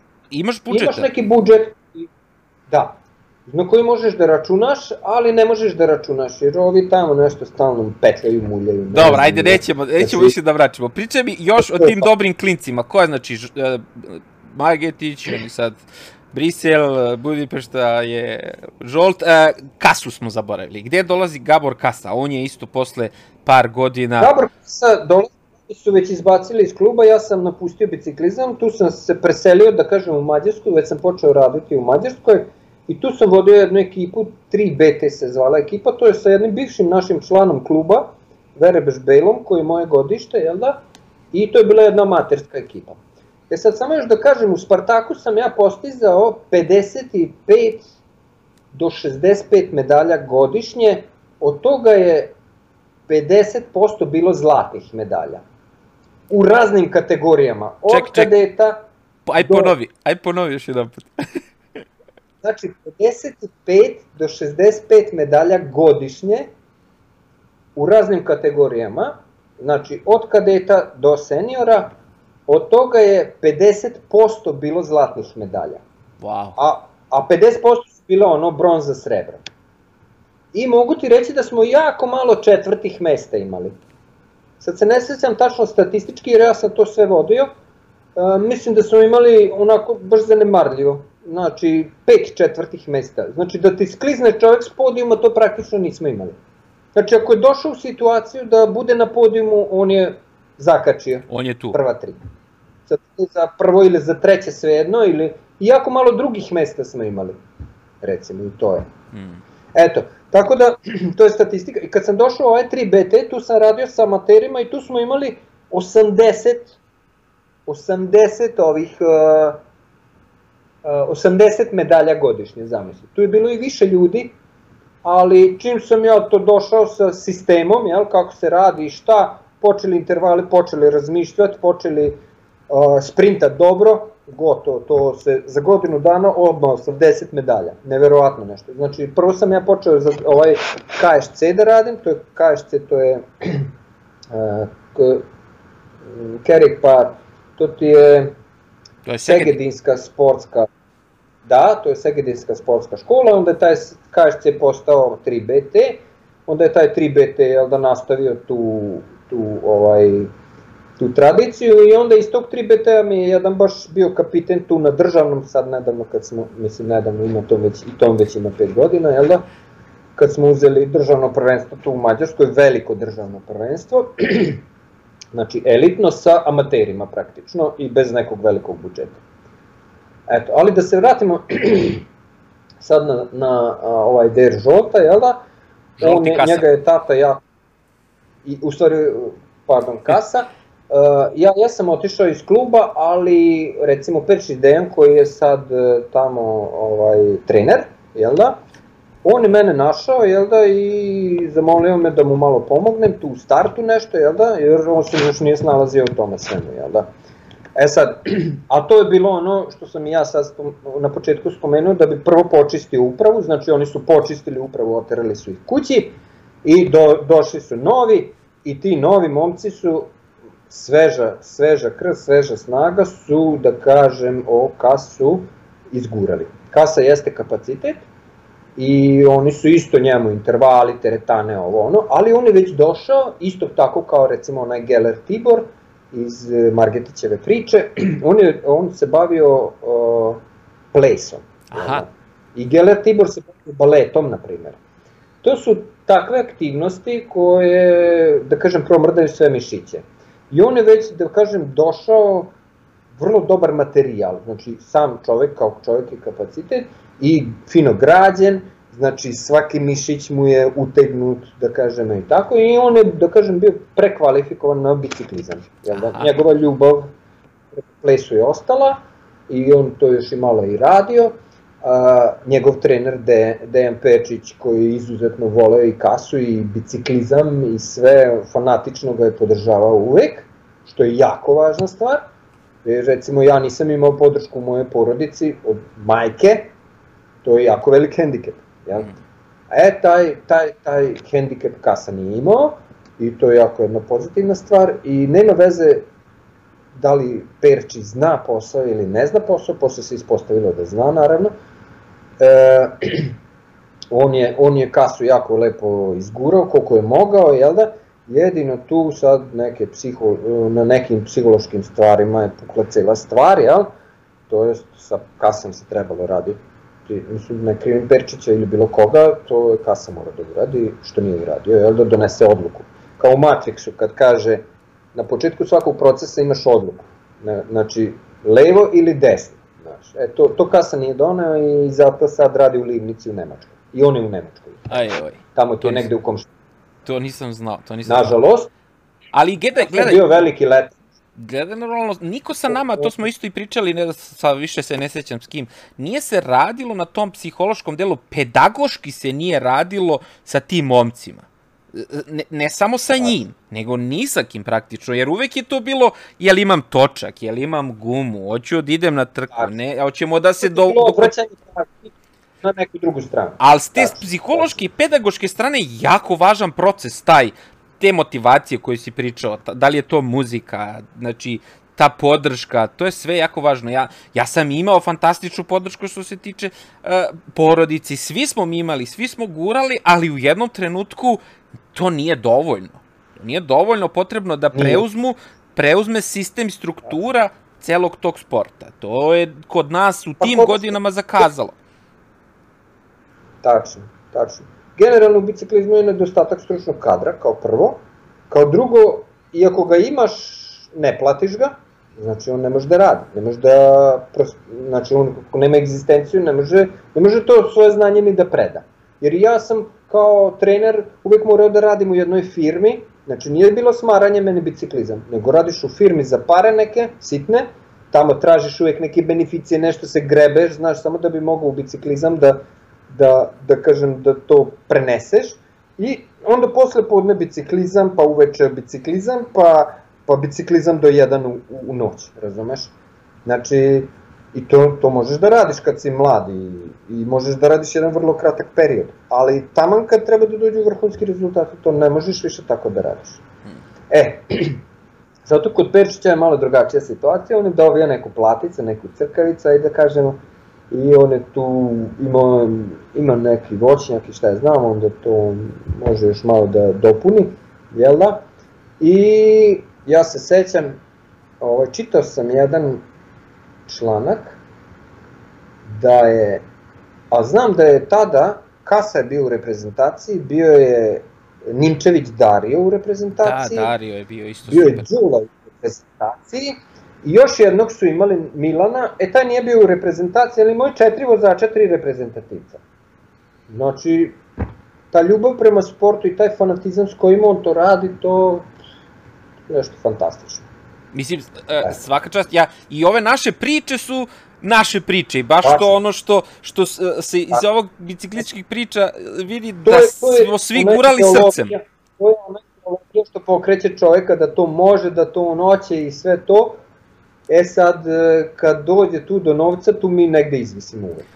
da izvisimo, znači... jer, a, mislim, u jednom trenutku sva ta naša energija, entuzijazam, to više nije dovoljno, jer ono, ja stalno pominjem, dođe život, udarite sa strane i ti moraš negde da se snađeš. Klepi te padneš dole, ajde šta će sad, ajde penji se ponovo, onda te opet klepi, aj ja. Ali sport je dobar recimo da naučiš da kad tek nešto klepi da ustaneš i teraš dalje. Znaš. Da, ono što ja kažem isto u razgovoru sa svima, posle našeg biciklizma, posle naših treninga, nama više ništa u životu nije teško. Ono, kao, ej, sad treba se nauči da. Nemač, nemački jezik, nema veze, sedi nauči. Me, treba se nauči program, sedi nauči. Meni kažu ljudi, još pre samo 5 godina, pa koliko ti imaš godina? Imaš, imaš 30, kažu mi. Znaš, ja imam 45, razumeš? I, i sad, mi, sad mi već kažu, pa ti nemaš, nemaš 40, jel da? Eto, tako me procenjuju. Super. Da. Zbog toga što sam mršav ili, znaš, obučeš se onu u opremu pa ni ne vide da si 50 godina. Znaš, malo mi je seda kosa i to, ali ja, ja volim što, recimo, naj, imali, smo, imali smo onog Čonti Roberta u, u gen, derovoj generaciji, on je, on je dete 49 kila imao i radio je 200 čučnjiva na jednoj nozi. 200, dobro si čuo, srećom što, pa sediš. To niko meni neće da poveruje. Ja sam sedeo u klubu nedelja pre podne, jer onda su bila merenja, to je bila zima, i brojao sam kako ovaj ču, čučne na jednu noć, brojiš mu, razumeš, to je trajalo, ja ne znam, to je trajalo pola sata jedna noga čoveče, ako ne i više, ja ne znam, nešto, nikad kući da dođem, da krenem kući da nešto, ovaj nikako da... A pre toga je Deru radio 102, A znaš, pre toga je Deru radio 120, razumeš? Znači, i Deru radi 120 na jednoj i 120 na drugoj. Neko ja, razumeš, uradim 120 na jednoj na drugoj 12. Znaš, znači, tako. A to su ta testiranja i to sve i onda, znaš, ljudi su motivisani, znaju šta mogu i onda oni kad dođu u život, njima ništa što kažeš ti nije teško. Znaš. Mm -hmm. pa... ovi, ovi recimo kod mene kolege u, u, u firmi, oni se ono čuju, ja, to treba uraditi, oni gotovi, već su pali, znaš, već su psihički padi prvo, a, znaš, onda popije Red Bull, pa ne znam ovo, pa ja, pa, znaš, mislim, ono, čista destrukcija Red Bull i Coca-Cola i ostali, ostali otrovi. Nemoj da reklamiraš. Ali, pa, ne, ne reklamiram, mislim, da, znam čekaj, da je loša reklama. reklama. Nemoj da reklamiraš ove... A upozoravaš da ne piju. Nemoj da praviš da. reklamu za ove napitke koje daju krila. da, da. Pa da, to su, ali mogu ti reći, evo koliko smo mi bili napredni, tamo negde 90. godina uh, medoprodukt iz Tavankuta je pravio ovako jedan mali medeni napitak, to je med u jednoj tubici koji je imao 5% ekstrakta kafe. I mogu ti reći da kakav, kak, kakvi ovi energetski napici, to je kesa, to nije ništa. Mislim, em što se otruješ, em što, em što ovaj, bukvalno se otruješ, jer danas jedan energetski napitak ima 90 vrsta otrova u njemu. 90. Znaš ti šta je to? To je takva rasturačina, takva destrukcija mozga, krvni sudova, svega, da to, to ne može da, ne može da, ne mogu ti opisati rečima, to bi trebalo neko da napravi možda neki podcast i neki snimak da se to vidi kako to rastura čoveka. E, takvi, takvi napici, znači i takvi, vidiš, takvi napici su opstali, a taj medoproduktov mali kofein, da kažem kofeinski, možda nije ni bilo kofeina u njemu, ne znam šta, je, šta to znači 5% ekstrakta kafe, ne znam tačno, ali to je davalo, da kažem, energiju i bilo je jeftino i bilo je na bazi meda, znači bilo je zdravo. Mm. E. Znači, sport u principu jeste destrukcija, to možeš više, ko, koga zanima recimo, može da sazna više ovaj Duci Simonović, naš poznati košarkaš, on ima knjige o tome, kapitalizam, destrukcija, sport, destrukcija, to možete da nađete na koga interesuje, jel da? Da vidi šta je sport. Ja sam recimo, e, meni je dospela u ruke jedna knjiga Ubijali sport, pošto znaš ono, ja volim da čitam, i ovaj, pa mogu ti reći, dosta je to žalosno, kako to sve izgleda, ovaj, što Mića kaže, druga strana medalje. Ta druga strana medalje je jako tamna, znači, tamo u toj knjizi se srećemo da je jedan nemački golman koji je 110 puta dao pozitivan nalaz na doping kontroli, piše o dopingu. I on priča, priča ovaj, kako su se Nemci dopingovali i šta je to sve bilo. Pa onda imaš ovaj, recimo analize futbalera u 30. godinama, znači kad je futbaler u 30. jedan vrhunski futbaler u 30. godini života, njemu je Uh, on više udaraca, on dobije isto udaraca u glavu kao i ovaj, recimo, bokser. Bokser, jel da? I on, on, a njegovi zglobovi su toliko rastureni, pod rengenom se to, to tako vidi kao da ima 70 godina. Znači, to je tolika rasturačina taj sport da je to neverovatno.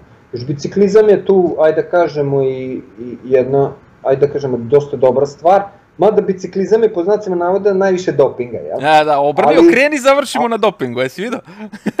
što se zdravlja, imaš bicikliste koji voze 90. godini, kao što je ovaj pre koju godinu Amerikanac, 93 godine, pa je puko na dopingu, jedini, mislim, ono, show program, ali, razumeš, nešto, neverovatan sport i neverovatna, ovaj, neverovatni ljudi u tom sportu, da, da. ali mogu ti reći, mnogo ljudi, kao Jens Voigt, koji, jel da, kojeg sam malo pre spominjao, on i sa 42 godine je bio profesionalac, u stvari je postavio rekord na sat vremena. Dobro, kratko je trajao rekord, ali, brate mili, koliko se on očuvao, jel da? Mm. Ali samo to, zahvaljujući toj filozofiji, jel?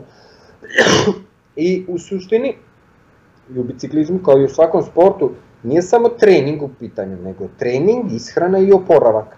E sad, da se vratimo na Božiju misiju, jel? ja sam bio u Božjoj misiji i negde meni tamo 96. godine dospe u ruke knjiga Cestovni biciklizam, prevedena kod nas, to jest Hrvati su preveli, Cestovni biciklizam se zove knjiga, a, a, a pazi naslov originala.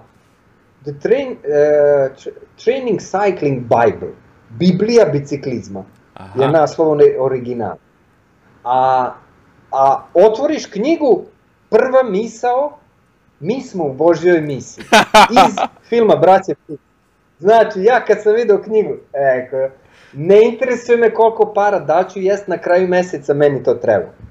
To je bilo ta 25 para, kad to mi je bilo teško izvojiti, od kluba nisam smeo ni da tražim pare, jer odmah će mi se krvi napiti, opet nešto tražiš. Opet nešto tražiš.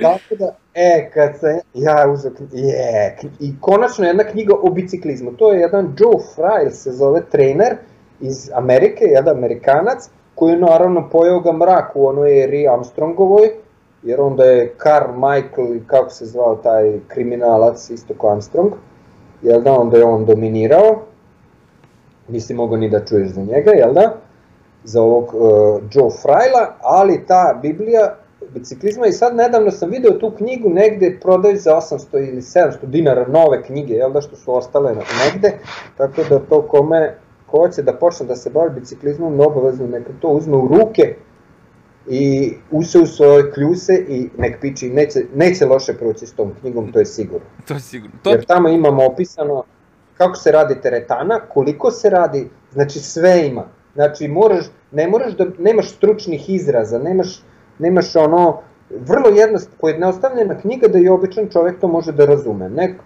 neko kad ono odeš na div pa onda tamo počne da se gađaju nekim stručnim izrazima, dobro ti kao trener to moraš da razumeš, ali a, dete ili čovjek koji hoće da se bavi biciklizmom to ne mora da razume, mislim ne mora, ni ne može da razume jer to tamo toliko ima tih izraza da bole glava. Em iz fiziologije, anatomije, pa iz medicine, jel da, i ono, kad medicinu, kad, pa sam znaš, kad uzmeš neku kutiju leka, tamo toliko izraza imaš da to lekari pišu sami sebi, znaš, penzioner kad to uzme ništa ne razume. A njemu je namenjen lek, na primer, jel da. Mada znači, i ti lekovi to su sve otrovi pokrio si, pokrio si temu koju sam htio da te pitam, znači koju knjigu bi izdvojio sad kao nek, preporuku nekom kad krene da, da se bavi da... E, obi... Pa obavezno uh, Training Cycle Bible, jer to je stvarno deo Božje misije, jel da, jer kao što i sam naslov kaže, Biblije biciklizma, jel da? E sad, što se tiče ishrane, tu bi isto mogao da preporučim jednog jako dobrog, ali to je sad već naš čovek, iz Čačka je, zove se...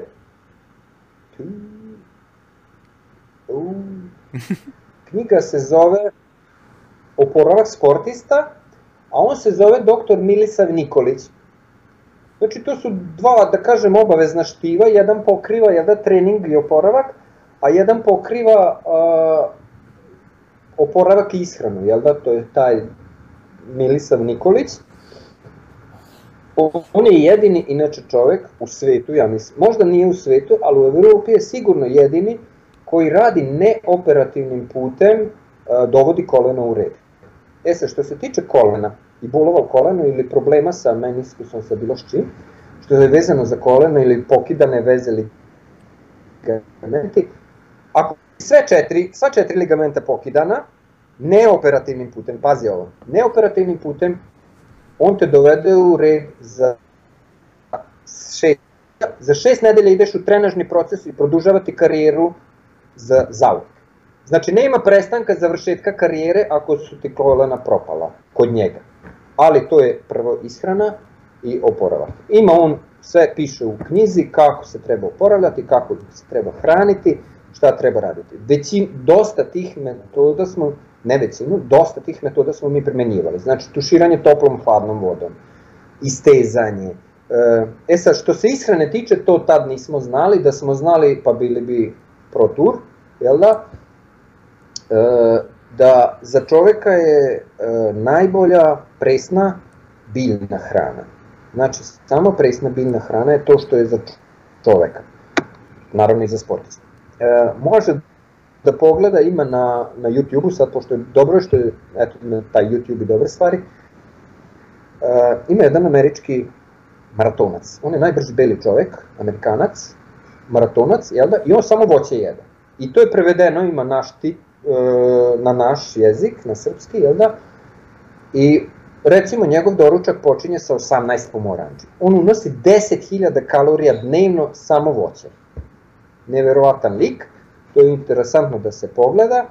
Znači, u suštini, to što sam teo da kažem da se može bez droge u ovaj sport i može se do nekog nivoa sigurno, ali kao što vidimo i može se čak i u profesionalizam na taj način. Znači ne moraš uništiti svoje, sad već znamo, zahvaljujući našim ljudima, ja, ovom Nikoliću, da, da ne mora se, da se uništi zdravlje, da bi, se mog, mo, da bi mogao biti dobar sportista i da bi mogao posle da, da, kažem, da se izvučeš iz ovoga i da ostaneš zdrav. Jel da? Jel, da, da, u dalje... Nije tu samo pojenta sportom i da se uništiš, nego i da ostaneš posle zdrav i, i da te ništa ne boli. Da, da, u daljem životu posle sporta, da ti i dalje budeš fit Znaš, i o, živiš. Miću Živković je odmah treba da poslediš za ono za bolove u leđa, otvori lepo knjigu i tap, tap, tap i prođu bolovi u leđima. Nema bolova u leđima, kakvi. To što je bila povreda, bila. I ja sam imao, recimo u Austriji kad sam bio, imao sam jedan gadan pad, i polomio sam drugi pršljen, u stvari pukao mi je drugi pršljen, ovaj, ali ja nikad nemam problema s tim. Znači, to se desilo pre 10 godina, 11, jel da? Ili, čekaj, samo dobro kažem, 10 godina i nemam problema, eto, hvala Bogu, ali sad, znaš, najlakše je reći ono, ja imao sam po, ili ključna kost, dva put sam lomio ključnu kost i ovaj, što mi se, na, recimo da sam imao trenera kakvog nisam imao, ne bi desilo, jer više u teretanu bio bi dovoljno jak da kad padnem, da se ne polomim, razumeš? Ili da uopšte ne, jer, znaš, kad si ti psihički jak, ti ne padaš, znaš. Nego sam bio umoran i nisam pazio, eto to. Mm. Ali kad si ti psihički, psihofizički pripremljen, znači teretana, trčanje i ostalo, onda ne možeš da padaš. Evo za ovo što sad ja pričam, za ovo su me u klubu ono, pedala beži, glupoš glupo. Znači ovo sam bio ono, redovno su me ribali, ma ti Vaso ti baš, nemoj da pričaš bez veze, ali recimo ima ovaj ruski fiziolog za Ciroski, on je rekao, još i hahaj, 70. godina, da a, on izjavio, to, taj, taj isti, to, to smo isto imali u klubu ispisano, mi u sportu usavršavamo već savršenu tvorevinu prirode čoveka. Znači imaš jednu savršenu tvorevinu prirode čoveka i to, to treba da ubrzaš, da ojačaš, da nešto da bi u sportu mogao, e sad kako to možeš da uradiš? Moraš da promeniš navike da bi dobio kvalitet. Čim imaš kvalitet, sa kvalitetom ti već možeš da počneš nešto, ali ako nemaš kvalitet možeš da se slikaš. Džabe ti je genetska osnova, mislim genetska osnova jeste dobra stvar i treba, neophodna je, ali ako imaš ono, što ti kažeš, pretreniranost i sve, jer ti u suštini na trku moraš da dođeš maksimalno spreman i maksimalno odmoren. Ako si ova dva imaš, onda možeš da se trkaš za medalju. A ako nemaš jedno od ova dva, nema, nema trke za medalju. Razumeš?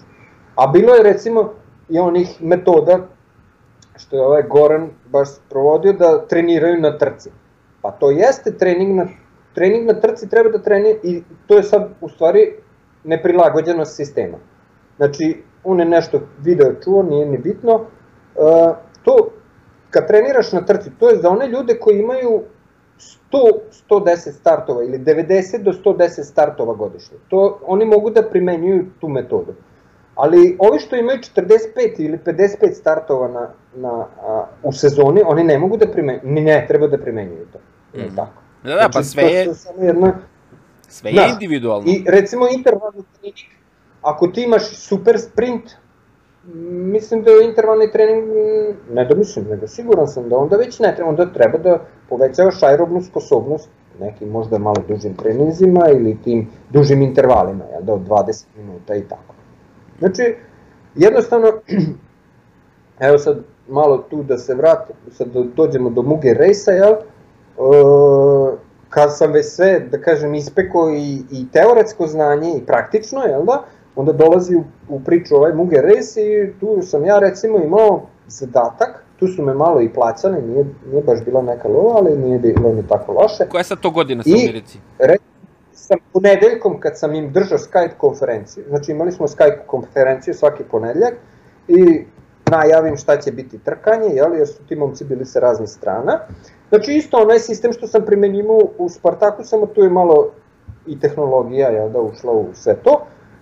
Isto to primenjuješ ovde i da rezultat isto. Znači bilo gde da staviš ovaj sistem, da staviš u Kambođu, on će da radi, nema tu. Mm. Da ga staviš u u Albaniju, nema veze. Znači, ne treba meni Pro Tour ili Italija ili informacija odakle da ne znam šta. Mogu i sam da napravim, samo, znaš, to nikog ne zanima. Hmm. Nemamo taj marketing da, e, na. Mugen ja Race, da, taj Mugen Race, to je 2015. kad smo se mi videli. Ti si... Tačno, tačno, to je ta ekipa i ta ekipa recimo sa onim Molnar Rišto, nam je bila uh, državni prvak i mi smo, pazi ovo, elitno državno uzmemo, pored Kustora, pored Dera, pored tamo nekih faca koje voze po inostranstvu, uh, uzmemo državno pojedinačno u elitama, u, u U23 budemo prvi drugi. Znači, dve medalje tamo i onda meni kažu tamo neki vi dopingujete. A mi, ovi moji, ovi moji idu smejući se na doping i ono raduju se i bit će žurka, znaš, posle. Jesi, Ali mogu ti reći, koristili smo, sad ću malo da reklamiram, samo zato firmu, jer je naša, uh, Sante Gale, ove, ove ne, Bužicu, ne, Santegal E, to je galenikin, galenikin vitamin E. Aha. Imao sam, pazi ovo, imao sam 13 ljudi na trci koji baš ne znaju svi da se voze, baš ne znaju, nisu baš dorasli zadatku, a i svi su amateri, znači oni prepodne rade, pa treniraju i uz trening. Trka je 170 km, 44,8 prosek i mi uzimamo trku. I imamo 2 u 3 na U23, U23 kategoriji. To ide Jeste ravna trka, ali je, brale... 45 i- je 45. ali pazi koje- Jeste. I svi su izdržali, došli su sveži u cilj i pitali su da li treba još da se vozi. Rekao, dosta je bilo, pobedili smo. Znaš, šta će? Hajde.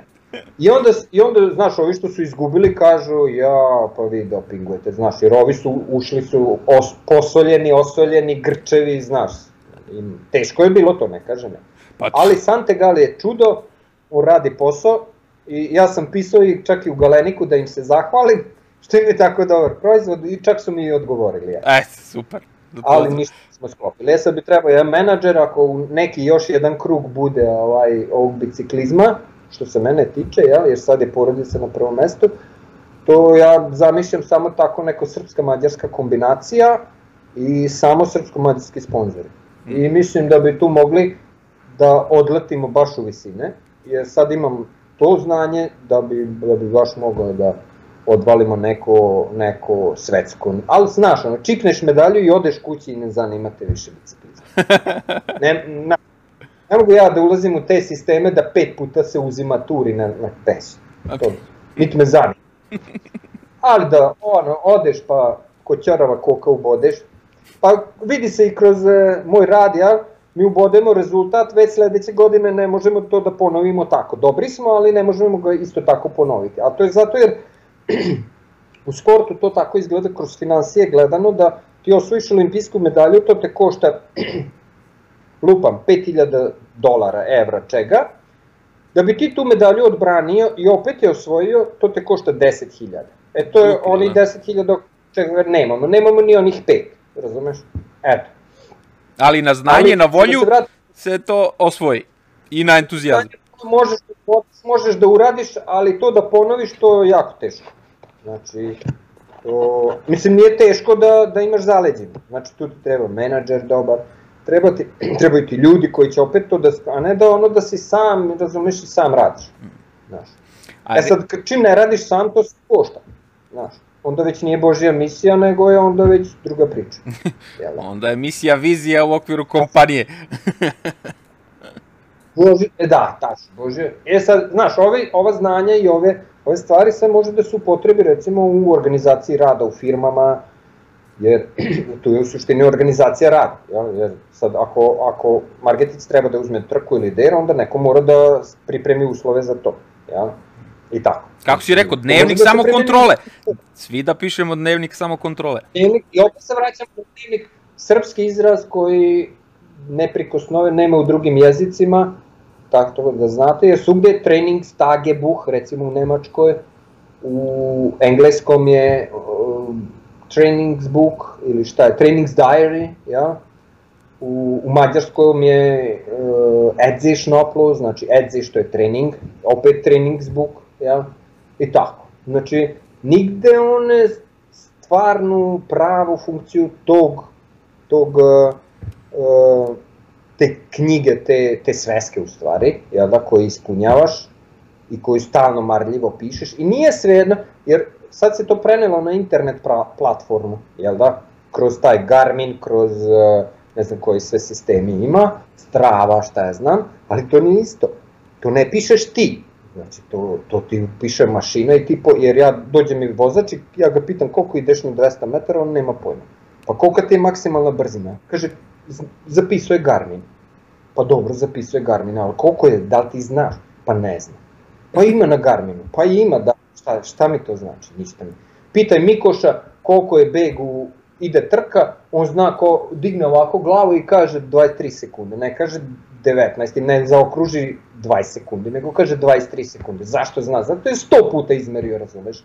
I kad digne glavu zna tačno da je toliko. I to je stvarno toliko i čak zna koliko mu treba da to stigne. Razumeš? Da, da, ja sam E. zakačio isto to, taj trening, kad ja nosim kompjuter, Mikoš ne nosi ništa, i kaže, sad idemo 19,5. Sad idemo, brate, 19,5 uz Petrovačke strane na pripremama i to je 19,5, jer on zna šta je 19,5. On zna, on osjeća šta je... Pa evo ja imam ovog, imao sam mog Hemerta, on mi je bio kapiten ekipe kad je Molnar išta on uzeo državno, jel da? I vodim ga na trening iz auta i kažem mu daj mi pulsmetar. I on mi da pulsmetar i pulsmetar toliko nosi, jel da, da ja vidim koliko je njegov puls. I kažem, ajde sad koliko ti je puls. I on kaže 143. Ja pogledam stvarno 143. Znači on tačno znao otkucaj dva. E, znači, ali sve zato jer je i on pisao svoje vremeno trening kontrole. Jel da? Jer je on dospeo u tu našu Spartakovu školu, mislim on nije bio Spartak, bio je KSC. Ali je prošao tu školu, jel, i on zna šta je 143 puls. Zna šta je beg, zna šta je sve to on zna. Pa iz, Ali to je već ono sportski srelo. to je sad, da, ali to je Ne ono, mogu da znam. Izgubilo se Hoće sad da da teže. zbog tih, zbog tih kompjutera koje kažeš, izgubilo se sad ono da ti ustaneš pa sam le, probudiš se pa izmeriš puls ležeći, pa sedneš pa izmeriš puls pa ustaneš, pa sad to tak pa se meriš, svaki dan se meriš, sad je to jako važno koliko kila imaš, pa sad to ne da radiš 5 dana, nego 48 nedelja ili koliko je već ciklus taj, koliko to imaš, znači to sad klinci, to je osnova svega, znači mi to sad u ovim pričama preskačemo, ali to se sad nekako izgubilo. I, i pišeš to. Ako pišeš onda je to, onda to je samo jedan tak. Ali znaš to, to kad kažeš ljudima onda te bledo gledaju. Šta, šta da pišem kad je zapisano? Pa jeste zapisano, ali ti to ne znaš. Da, da, ali ti nisi Da. zapisao. Evo sad imam jednu sliku. Pazi, amater je, dobro on, on i piše, jer sam ga natero, on mi je plaćao trening, jel, da mu ja to radim. E, trening 130 km idu tu Čongrad Međe, ravan trening, napravio oko 37 i nešto prosek. Zamislite koja je to grupa kad oni mogu njih 15 ljudi dođe iz 37 prosek na 123 km. Ja? I dečko je sprinter 74 na sat. Posle tog treninga. 74. Na treningu, znači na zadnju tablu 74. I kaže on meni, zove me, kaže, zamisli koliko sam sprintao. Rekao, koliko je bilo? Kaže, 74. Ja Rekao, bravo, popi jedno pivo. Pa kaže on, pa bio je vetar u leđa. Pa rekao, i Cavendishu je bio letar, vetar u leđa i Tom Stilsu je bio vetar u leđa kad su sprintali ono ispod 12 sekundi na turu. Tom Stils i Erik Zaber. Bio je vetar u leđa. Jer to neko pita, ne pita, kao prvo. Kao drugo, da ti nemaš vate, te koje imaš, ti ne bi mogao da sprintaš to. Razumeš? Znači, odnos vata težine i, i, i ta želja, jel, da stigneš onog ispred tebe, to, to te je doteralo do 74. Samo, hoću da kažem da, da su sad i Derovi rezultati i Margetićevi rezultati bi danas bili malo. Aha, napredovalo Znači, se. Od, napredovalo je to sve, ali je trebalo, mogu ti reći, 20 godina. Znači, jako dug vremenski period, ali i definicija sportske forme, kako kaže, što smo re- recimo učili na DIF-u, ja, da je sportska forma kontinuirana evolucija ukupnih radnih sposobnosti, e sad dolazi začkovica, dominantnih i relevantnih za datu sportsku aktivnost. Znači, i dominantne i relevantne radne sposobnosti moraš da, da ovaj unapređuješ, da treniraš, da bi postigao, ali evolucija, znači to nije proces od 3 meseca, to je proces od 6 godina, ja? evolucija, znači, dobro, to uh, kroz struku gledano, jel da imaš, imaš mikro, mezo, makro cikluse, jel da, što se poklapa sa 7-10 dana je mikrociklus, imaš, u stvari imaš i mezocikluse, jel da, od 6 nedelja i tako, i makrocikluse ili po, i polimakrocikluse, to su olimpijski ciklusi, jel? To su 4 godine. A sad, znaš, mi ne možemo da planiramo ništa kad, kad hoćemo imati sutra para ili to nas zatvori. Mi ne znamo, vidi, mi ne znamo ćemo li imamo državu za četiri godine, a kamo li sad nešto drugo. Se tiče naše države, ja gledam ovi naši ljudi, uh, mogu ti reći sad, evo čuo sam nek, nek, negde sam čuo tako da kao izmi, Evropska unija je pravila neke, ne znam šta, ispitivanja da naši ljudi imaju najmanji IQ. Pa ne da se ne slažem s tim, nego je baš obrnuto. Pa de, čoveče. Da, ne, naši ljudi kad dođu, evo gledam ja kad sam bio u Austriji, naš čovek, kod njega nema da nešto ne može da se uradi. pa da. Šta je to ne? Slabi kažeš ne može, on ćuti, Nemac, Nem, Nem je ćuti, prihvati, ne može, ne može. To je završena priča. I to je to. Naš kaže, naš odmah počne da psuje, kako ne može. Nema šanse. Sad ću ja da ti pokažem kako može. Da, da, sad ću ja. E, kad si onda, pomenuo, Znaš, kad si pomenuo tu i Austriju, onda završi. Da završi posao, naljuti se i uradi to kako treba. A, kad si pomenuo tu Austriju, e, pričaj mi o onom, e, e, onaj Gran Fondo, šta je oko onog jezera, kako se to zove? Tu si isto bio nešto. Aha. A, pa ja imam drugara jednog tamo, zove se Milo Jovišić, on nam je čak napravio na moju ovaj inicijativu, je napravio himnu Spartaka, mi sad imamo himnu, još nije usvojena, ja sam to, trebao je da bude, ovaj, mislim, biciklističku himnu, Uh, ja ću, mislim, to tebi i poslati, pa nek se to čuje, neki drugi napravi himnu. Ajde, može. Uh, ja sam njega zamolio da napravi himnu, on je u roku, neću da te lažem, ali sat vremena. Na, Ja rekao sad će kaže sedam dana. sklepao, sklepao, nije bio nikad član Spartaka čovjek, znači, on je moj drugar koji je meni pomogao da dođem u Austriju, ja sam bio tamo godinu dana, ovi su se tamo oduševili, samo, znaš, onda su baš proglasili krizu i ta firma u kojoj sam bio imala je jako velikih problema, mislim, ne finansijskih, nego sa ljudima, ja, što sam ja tamo. I ja sam imao i nezgodan pad, jel da tad, i otišao sam na, na to bolovanje, jel, i onda su, oni, oni su uspeli mene da izguraju, da kažem, iz firme, jer nije sam gazda taj koji odlučuje. No, nije bitno, bitno je to da sam ja bio tamo godinu dana i, i ista priča, znači dođeš, pričaš im da se može s kratkim treninzima puno postići, oni te bledo gledaju, ko, ko kroz zid, bleje, ko, razumeš, i kao, pa to se ne može, znaš, i ja rekao, ja, me, ja nisam tu zato da vi meni objasnite šta se ne može, nego da vas naučim šta se može. To mene ne zanima šta se, jer i lud zna šta se ne može. Jel? To, to možeš biti lud, gotovo.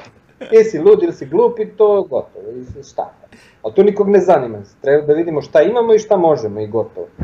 To je ono, opet se vraćamo na točak i žbice. Da. Znači imam žbice, imam glavu, imam felnu, a nemam točak, a meni točak treba. I tako. I onda, ja kad njima počnem, ne sme se kafa, ne jo, odmah me gledaju popreko, pa se cenkaju, pa ovo, pa ono, ja. A taj Grand Fondo, to je jedna trka uh, u Monzeu koja se vozi u tri, u tri ovaj, uh, dužine, 82 km ili 85 pa se vozi jedna od 120 i vozi se jedna 200 i nešto, 200 km. Ja sam vozio tu 200, bio sam 29. jedne godine, pa sam vozio i onu od, od 80, pošto sam shvatio da od 200 km to je previše nadmorske visine za mene, tamo ima 2000 nadmorske visine ili malo više, to ja ne mogu da ovaj, absolviram, to mi je previše. I onda sam startovao na ovoj od 80 km, to sam pobedio jednom, sledeće godine sam bio treći. Koja je to godina? trci. Oni su se oduševili, je, ko, ko je ovaj, i onda Mile objasni tamo nekom liku da sam ja trener, tom što je tad organizovao tu trku. I on kaže, pa što mi njega ne dovedemo vamo i tako. I, i onda su oni mene tamo doveli. I onda sam, ovaj, ja sam imao problem, nisam znao nemački, a to sam dosta brzo naučio. Jer znam da sam u septembru već držao roditeljski sastanak. Znači ja sam u januaru došao, u septembru sam već držao roditelj. Koja godina, koja godina je to tamo, pričamo? To je bilo 2009-10 tamo negdje. Mhm. I te godine tako je bilo to zamišljeno da ću ja da vozim ovaj, te njihove, počet ćemo tako da vozimo amaterske trke i skupljamo decu, jel? I onda deca kroz te amaterske trke, posle ja već krojim trening i planiram šta ćemo kako najviše da izvučemo iz dece i kako da ih recimo pripremimo za, ne, za neke trke i da budu biciklisti. Jel da, naravno to sve nije uspelo i zbog ovog mog pada, jel da? Mm. A, ovaj, ali znam da sam te godine bio treći u austrijskom kupu, jel da, tom amaterskom, gde sam startovao. I, ovaj, I znam recimo s ovim motorcima s kojima sam tamo radio, oni su fino baš napredovali. Recimo, mogu da ti kažem jedan podatak, išli smo oko tog jezera, tamo taj Monze, e, jedan test hronometar, jel da, e, na štopericu, 44,7 prosek, trojica smo išli, a jedan je imao 62 godine. Onaj treći je imao 62 godine i davo je s mene, zamislim. 44,7 prosjeka, ovo si može zamisliti koliko ravno gima. Ne, mislim, oko jezera Dobro. može da bude ravno, ali ne mora da znači. ali ne mora da znači, baš, mislim, nije to bila neka, valovita je staza, nije ovaj, nije ovaj, ali, znaš kako ljudi tamo idu, ali to je sve do hrane i do vode. Recimo ti kad popiješ kvalitetnu, čistu, pravu, onu živu vodu, ajde da kažemo, ti, tebi skoči VO2 za 2. Znači, ako ti, ja sam to merio sa polar instrumentom. Znači, ono što si ti rekao, meriš se svaki dan, jel da, težina, puls, ovo ono, i recimo, moj VO2 je bio 68 tada, sećam se, popijem, ceo dan pijem tu njihovu finu vodu, ili pijem onu Föslauer vodu, iz flaše eventualno, ali to baš nisam mnogo praktikovao jer je skupa, jel? I odmah ti je sledeći dan 70 VO2. Znači samo voda. Zato recimo iz Aranđelovca biciklisti dobro idu, po meni. Ne, ne samo zato jer mislim imaju oni trening, imaju sve, ali jedan plus njima je voda. Dobra voda. Znači znamo Miodraga, znamo Niki Cijevića, jel, koji je posle kod nas vozio, znamo uh, pa i Simića, koji isto vozio kod nas, jel, i oni iz Aranđelovca, tako. On je iz Užica, Znači, ali je, su- sad živi u Aranđelovcu. Ali eto, pije njihovu vodu. Pije njihovu vodu već duži niz Pa- godina. Mislim, nije to reklama za tu vodu, nego to je uopšte tako. Tako Da. je kako je, znači to nije ono da rekla kazala. Izmerio sam i to je toliko, ja sve merim, ništa ne verujem. Znači, isto tako i sa trenažnim procesom. Dođe čovjek koji mi priča neke gluposti. Daj, koliko ti ideš na 4 km, na kilometar, na, na 10 km, šta znaš, ne, nemoj ti meni, e, ovako sam vozio, onako sam vozio. Izmeri. To zanima? Izmeri, brate, to je to. Kako kako znaju da su im oni, oni ulošci 7%? Tako što su izmerili čoveče, kako znaju. Kako? Izmerili su bez uložaka i izmerili su sa ulošcima i sad znamo da je 7%, zdravo razlika, šta sad tu ima? Doviđenja kraj priče. Ono, rekao kazala. I, i, ili dođe, pa piše, kao, kaže mi, pa ja treniram, imam trenere ovako i onako, i, pa dobro, dobro. Jel to može tako da ostane taj trener? Može, ali ja hoću da vidim kako dnevnik samo kontrole. Jel može? Može, složi sam. Ja gledam dnevnik samo kontrole, prazno. Gledam dalje, prazno. Sačekam šest meseci i kažem, ej, druže, šest meseci gledam tvoj dnevnik kontrole, nema ni jedne brojke, ni jednog slova. Kakav trening, šta vi radite? On meni da telefonom trening i onda mi se dogovorimo. Pa niti je ovo pijaca čoveče. Jes, gde si ti? Znaš ono. Ali sve tako, ali ceo sve tako funkcioniše. Znači, ne rekla neki marketing, ne, nije bre, štoperica, metar, santimetar, milimetar, mikrometar, nešto. Rezultat, brale, nemoj ti meni... Pa mi smo se dogovorili. Tako mi recimo ovaj Molnar, kad mi je došao, ovaj što je bio državni projekt u Mađarskoj, i dođe mi na merenje u januaru, čoveče, on gura 1200 vati, to je nešto, skoro 20 vati po kilogramu e, brzina, jel? Maksimalna, i gura nekih 6 vati po kilogramu na, na merenju, ono 12 minuta. A, neki Cooper modifikovani test sam napravio. Ja rekao, jebote, koji ja materijal imam. Čoveče, ja sam sretan, rekao, jebote, konačno mi došao neko u klub da nije, da nije prosečan, da nije padavičar neki. Ma kakvi po ovaj padavičar, ovaj je tek padavičar bio. Dođe on, on je bio tad u vrhunskoj formi jer je vozio ciklokros. Sezonu je obvezno i na ciklokros na državnom je bio treći ili peti ili nešto. I on je tad bio u super formi kada je došao kod mene na merenje u, tamo 5. januara. Znaš. Ja rekao, koji kapacitet? On je od tada samo nadole išao. A to je baš ta priča dnevniku, kaže on ima trenera Arvo Jatila, to je tu neki super trener. I tako to. Ja kažem, nema problema, neko on bude trener, samo meni manje posla, baš me briga, razumeš? I man, to nije išlo čoveče. Znaš, dođu glavne trke njega nigde. Pa zašto je nigde? Zato jer je pretreniran. Znaš, jer telefonski trening, znaš ono, o, halo, to sam oni nešto dogovorio, pijaca, brate mili, pa nije pijaca čovječ. Jer ti zna, ja ga još ono, kao, pišete vi, pišu, pišu, pa šta piše? Pa evo, pi, pro- pogledaš prazno, znači jednog slova nema. Šest meseci nema slova, nema cifre, nema, nema merenja, nema ništa.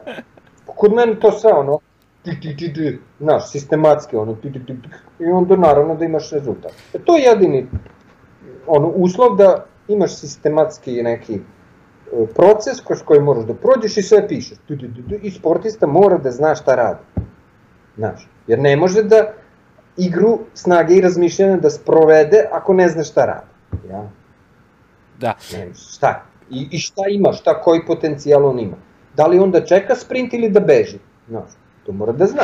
A to zna iz tih rezultata i to mu ja objasnim šta je kako, zašto i gotovo. I nema tu kraj priče. Ako neko Samo- nije... Ali, Božju misiju, Božju misiju ne može svako da prihvati kao prvo i mnogo ljudi ne voli Božju misiju.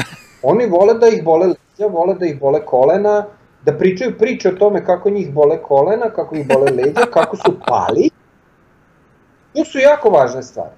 I kako oni mogu nekim snovima da idu nekih 45 prosjek, znaš. U nekim stovima. Ali kad dođe na trku, to nije podijum.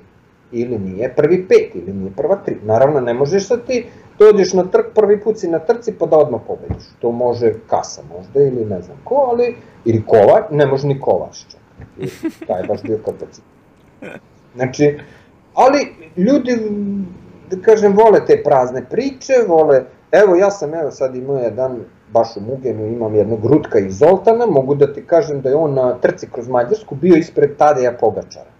Završio je trku kroz Mađarsku 2014. ili 15. 14. ja mislim, ispred Pogačara. Sad smo ga baš zezali da, ej, pa ti da si nastavio, bio bi na turu, sad prvi, a Pogačar drugi. To je uvek tako. E, taj lik je kod mene došao, inače pametan momak, zna tri jezika, mađarski, engleski, nemački, engleski, nemački super priča, završava neke škole, šta je zna, i momak je dosta visok, jak je onako i ode uzbrdo, sve, sve mu ide, leži ima, znaš, dosta dobro sprinta, brz je, sve onako, kompletan, dosta. I idu dobro na hronometar, i sad došao kod mene i bole ga kolena, bole ga leđa, bole ga nešto. Dobro i sa njegovim kompanjonom koji je fizioterapeut. I, a i tog bole kolena, pa je, kakav si ti fizioterapeut? I tako. I sad, dođe on sa mnom na pripreme, kod mene na pripremama prva dva dana se ne vozi brzo. Vozi se malo i vozi se kratko. Mislim, vozi se nizak intenzitet ispod 130 pulsa i vozi se, dva dana se vozikaju. Znači, to je ta prva faza ovaj, e, aklimatizacije koja mora da se pridržavaš. Znaš. I prođe on to i njega popuštaju kolena. Onda sam ga prve treninge malo sam mu dao još tih tako laganih treninga, da to njega prođe, pa istezanje, pa ovo pa ono. I došao on čovjek sebi i već na kraj priprema on među najboljima, znaš. Dođu trke, on opa opet među najboljima. Znači on jeste potencijal, kapacitet, ali je pretreniran, uništen, znači čovjek.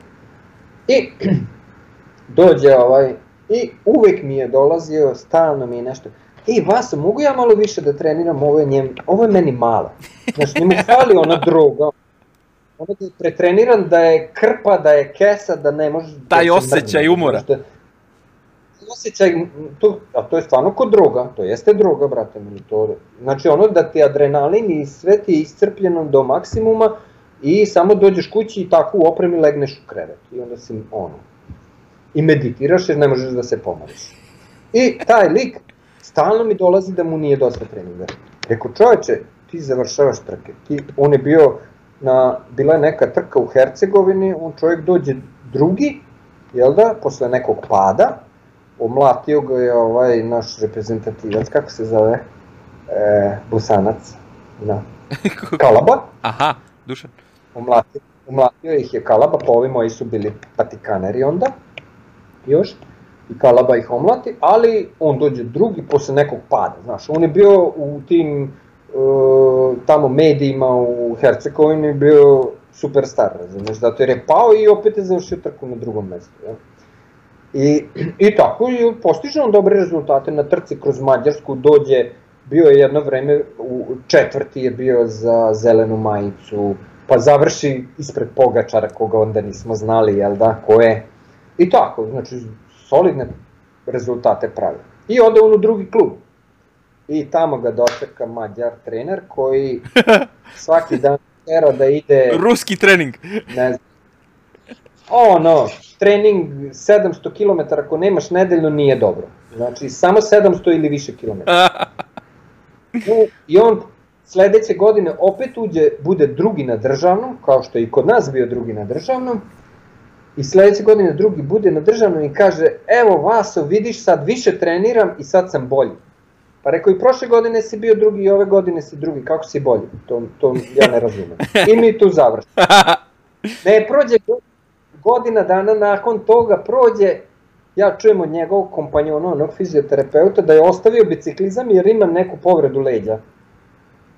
Razumeš? E to je ono čemu ja pričam, da nije stvar da ti voziš i da povređen ostaviš biciklizam i da se posle ne baviš onim što, što te ispunjava i što najviše voliš. Razumeš? Nije to poenta priče samo. Nego je poenta priče, ne samo, ali ne možeš ni da napreduješ, ne možeš. Jeste to, njemu je to izgledao napredak, jer je on prešao više kilometara. Da, on da. ništa nije napredovao. Znači, ista staza je, nije ista, slična staza je bila i on je na sličnoj stazi opet napravio takav rezultat kakav je napravio, znači opet je bio drugi na državi. Jer je znao kako se to radi. Zato jer je već imao jedno iskustvo, tako. ali pre toga nije imao iskustvo. Znači, kod nas je probio led, znaš, kod nas je to naučio. I on meni tako, i opet, et, et, et to hoću da kažem et, s tim da... Jel mogu ja da kažem nešto? Vole destrukciju, to da, da to što ne valja, to meni dobro, to je meni super, a ovo što valja, jer ovo je ono što valja, jer ovo je stvarno ono što valja zato jer donosi rezultat, a ne donosi povrede i ne donosi ti muke, razumeš? Ne donosi ti posle nešto, e, koje ću ceo život da, da šepam, razumeš? Ja sam... Znači, to ti ne donosi. U ovu, to, u ovu tvoju priču da bi ja dodao, samo da dodam za ove koji slušaju i gledaju, da ti bukvalno živiš taj život i gde god da se pojaviš. Znači ti, ti sad bukvalno praviš plan ishrane svom šefu u nekoj špediterskoj firmi, smanjuješ mu šećer, znači da. ti živiš taj život i dan danas. Ali, evo, sam ti pričao mom šefu, evo on ti živi primer. Sedim tamo pored njega, znači ja sam u desna ruka, tamo sam. I on ode kod lekara i ode da se uništi s nekim lekovima. Znači, napravili smo pran, to sam ti već pričao, jel da, i skinuli smo mu šećer. I najbolje mu skida šećer bavljanje biciklizma. Ne on ode na trening da dobije teniski lakat da bi ga nešto bolelo. A, e. A taj tenis mu ne skida šećer jer smo to videli iz, iz toga što smo pisali. Ne, on ode na Znači, odeš da ti oceku glavu. Iz znači, dnevnika na, zašto? samo kontrole. Sve iz dnevnika samo kontrole. Sve iz dnevnik sam, to je, to je fundamentalna osnova, dnevnik samo kontrole. I ti to, ja tu kad počnem da objašnjavam dnevnik samo kontrole, i prevedem ja to njima na mađarski jer oni nemaju taj izraz jedan. Ja njima to prevedem i onda oni tako mene bledo gledaju nešto. Pa da, da, ali to je trening plan treninga. Pa nije plan treninga, aj zdravo. Šta da ti objašnja? Znaš, nije to za svakog, neće to svako da radi, u stvari ogromna većina, većina da tako kažem, neće to da radi. Znaš, neće ljudi Božju misiju, zato jer, zato jer, znaš zašto? Zato jer to traži disciplinu, rad redi disciplinu, jednostavno, i da se pridržavaš toga. Sada eto, mala digresija u Bibliju, jel da? Tamo kaže ono, to ćeš dobiti što sam drugom dao, što si drugom dao. Znači, ako si mu dao lošu misl, to ćeš da dobiješ nazad. Eto, vidiš sad mi pričamo ono kad smo mi vozili, ja sam dobio nazad. Ja sam ono, ja, bežite bre. Evo, sad mi šta radimo? To. Znači, da li ti veruješ u Boga ili ne? Da li je ovo ili ono, to, se des, to će se desiti. Znači, to nisu Božje zapovesti, to su zakoni. E sad, da li ti veruješ u njih ili ne, oni rade. Znači, to je to, da prihvatiš ili ne prihvatiš. Možeš da prihvatiš i da budeš srećan, znači da si srećan zbog toga što se baviš nečim što jako voliš i što možeš to da radiš uopšte i što ćeš to raditi u 70. godini, ja? A možeš da budeš ono, bole me leđe, bole me ovo, bole me ono, jer to ne, rad, ne radiš ono što voliš nikad. E, e to je sad, ono, ali neće, neće ljudi ipak, znači tu si mu, evo, moj šef, evo, Mislim, jednostavno dobar momak i sve, ali eto. ali eto. A isto tako i Znači, evo i Margetić recimo, on čim je došla neka nova metoda, znači imaš proverenu metodu koja funkcioniše na tebe. Zašto bi ti to menjao? Znaš, Ne, čim je došla neka nova metoda, došle pare svi poludeli. Ajde sad. Njega zbog toga. Samo kažem, eto, dobro, skonto je on to posle i sve, ali, Ali. Proš, prođu vozovi, znaš. Prođi vozovi. Dobro. Ali, definitivno, po meni, ja mislim da bi bolje bilo da je otišao iz kluba, da je video kako je u drugim klubovima, Jer znaš, ti se pojaviš na trku i vidiš samo ono reprezentativno od drugih klubova, ne vidiš ono iza kulisa šta se dešava, šta se tačno dešava, jer, jer oni mogu da ti kažu i da ti lažu šta hoće.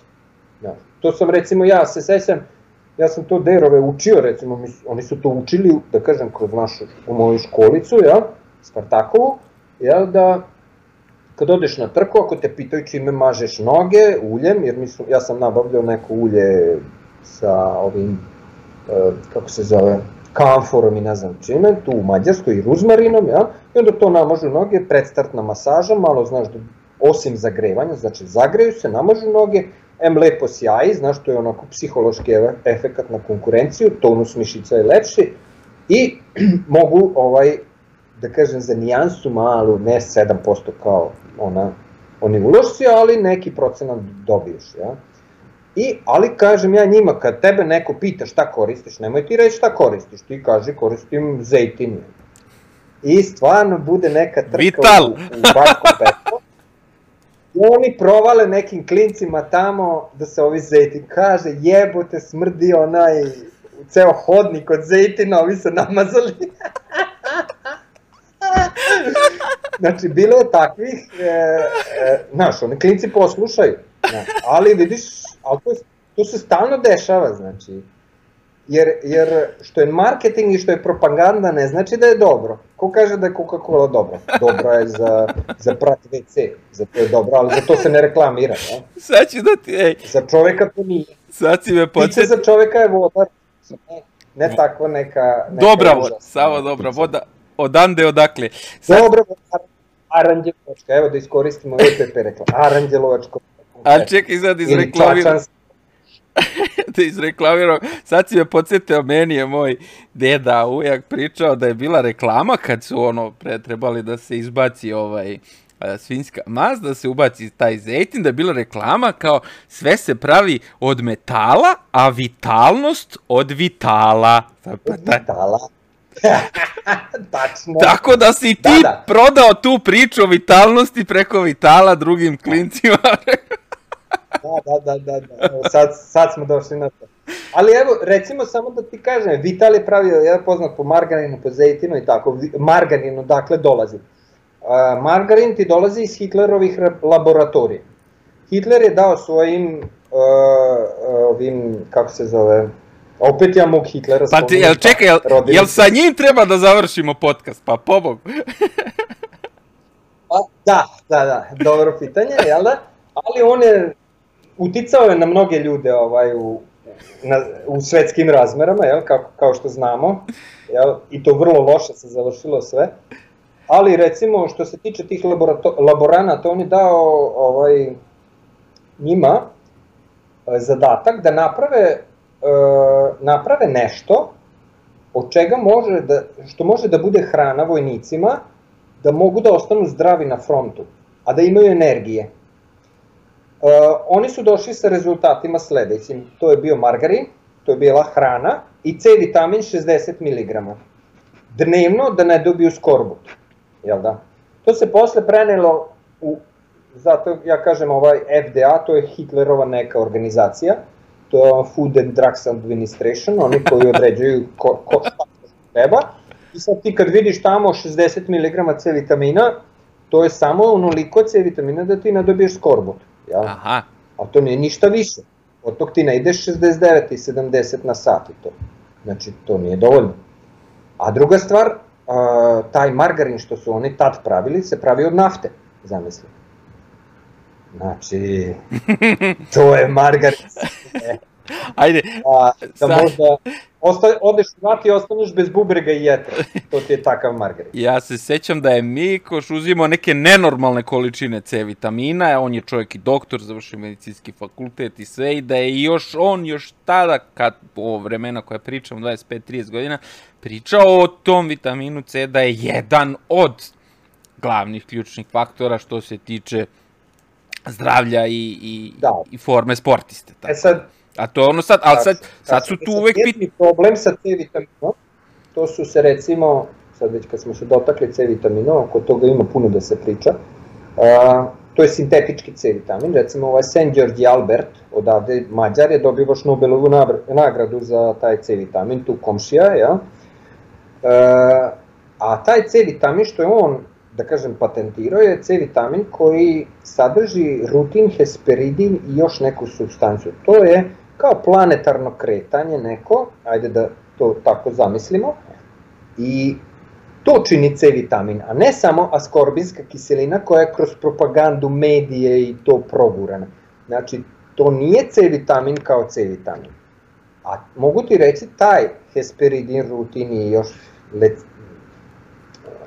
Taj se prodaje pod drugim nazivom e, sa bioflavonoidima. Kad vidiš C vitamin sa bioflavonoidima, e to je C vitamin u stvari. Oni su ga podelili zbog prodaje i ne znam čega, i zbog profita samo, taj je u stvari pravi kvalitetan C vitamin, a taj, taj pravi C vitamin se recimo Marija i Pierre Curie su se 20 godina tužakali, to jest njih je tužila ovaj, i oni su to dokazali, ali to je prošlo nezapaženo, jel da, da je C vitamin u stvari nije samo skorbinska kiselina, nego ta, još ta tri elementa. Mhm. Znaš, 20 godina su se tužakali.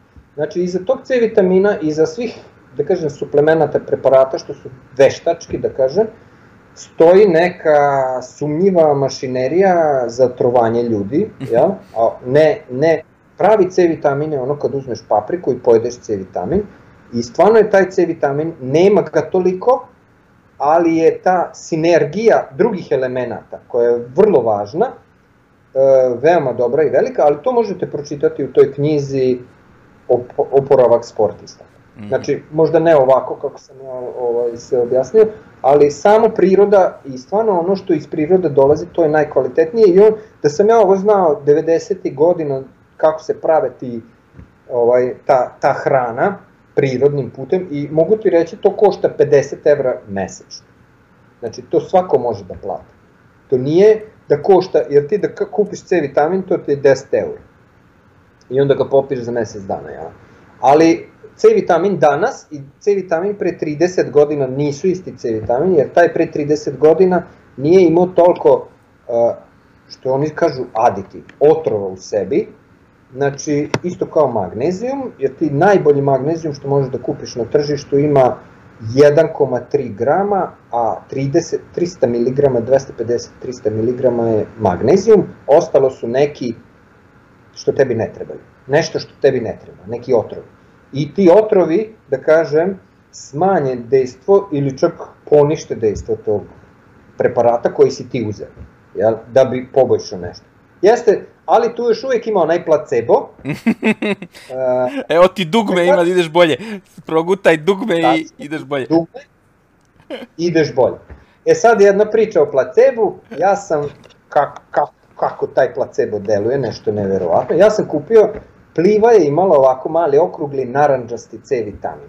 I to sam ja nosio u svojoj medicinskoj tašni, to je medicinska tašna. I dođe klinac i kaže, ja, vas obole me leđa. A pre toga je bilo nešto, dosta reči o brufenu, da je zabranjen i da je jak antibloke, beta 2 bloker i šta je znam, ali je zabranjen i ne sme da se koristi šta je znam. I to je bila neka etapna trčica za juniore ili nešto tako. I dođe dečko pre, prehladio leđa, jel? Bila hladna trka, prehladio nisam na ne znam šta je bilo sve i preforsirao se. Ja mu dam C vitamin, pazi, uveče mu dam C vitamin i kažem ja njemu, evo ti 800 mg. I odvalio nešto. To je bilo Da. da. 400 mg C vitamina. I on video tabletu, a ista je ko brufen, samo je brufen roza, a ovaj je A. naranđast. Znaš. On nije skonto boju, ništa, popi on to, sutra dan dolazi. Vaso, šta si mi dao? Ovako su me leđa prošla, ovako znaš počet. Da ti znaš šta sam ti dao. Ništa, mi ćemo... Eto, to ti, znači to ti je placebo, a recimo, sad opet dolazimo u vreme sadašnje, imaš kontraefekat placebo, to je nocebo, to je ovo što se sad dešava sa koronom. Isto tako deluje, nažalost, ali u razgrađuju se destruktivnom smislu. znači povećati količinu stresa i uništavate. Znači te sve vesti, stimule što primaš s polja, oni te uništavaju. Da li je to tačno, da li nije? Puno vremena provodiš s tim, umesto da se baviš biciklizmom i da radiš na sebi. Da, evo ti znači, dan danas i, to živiš.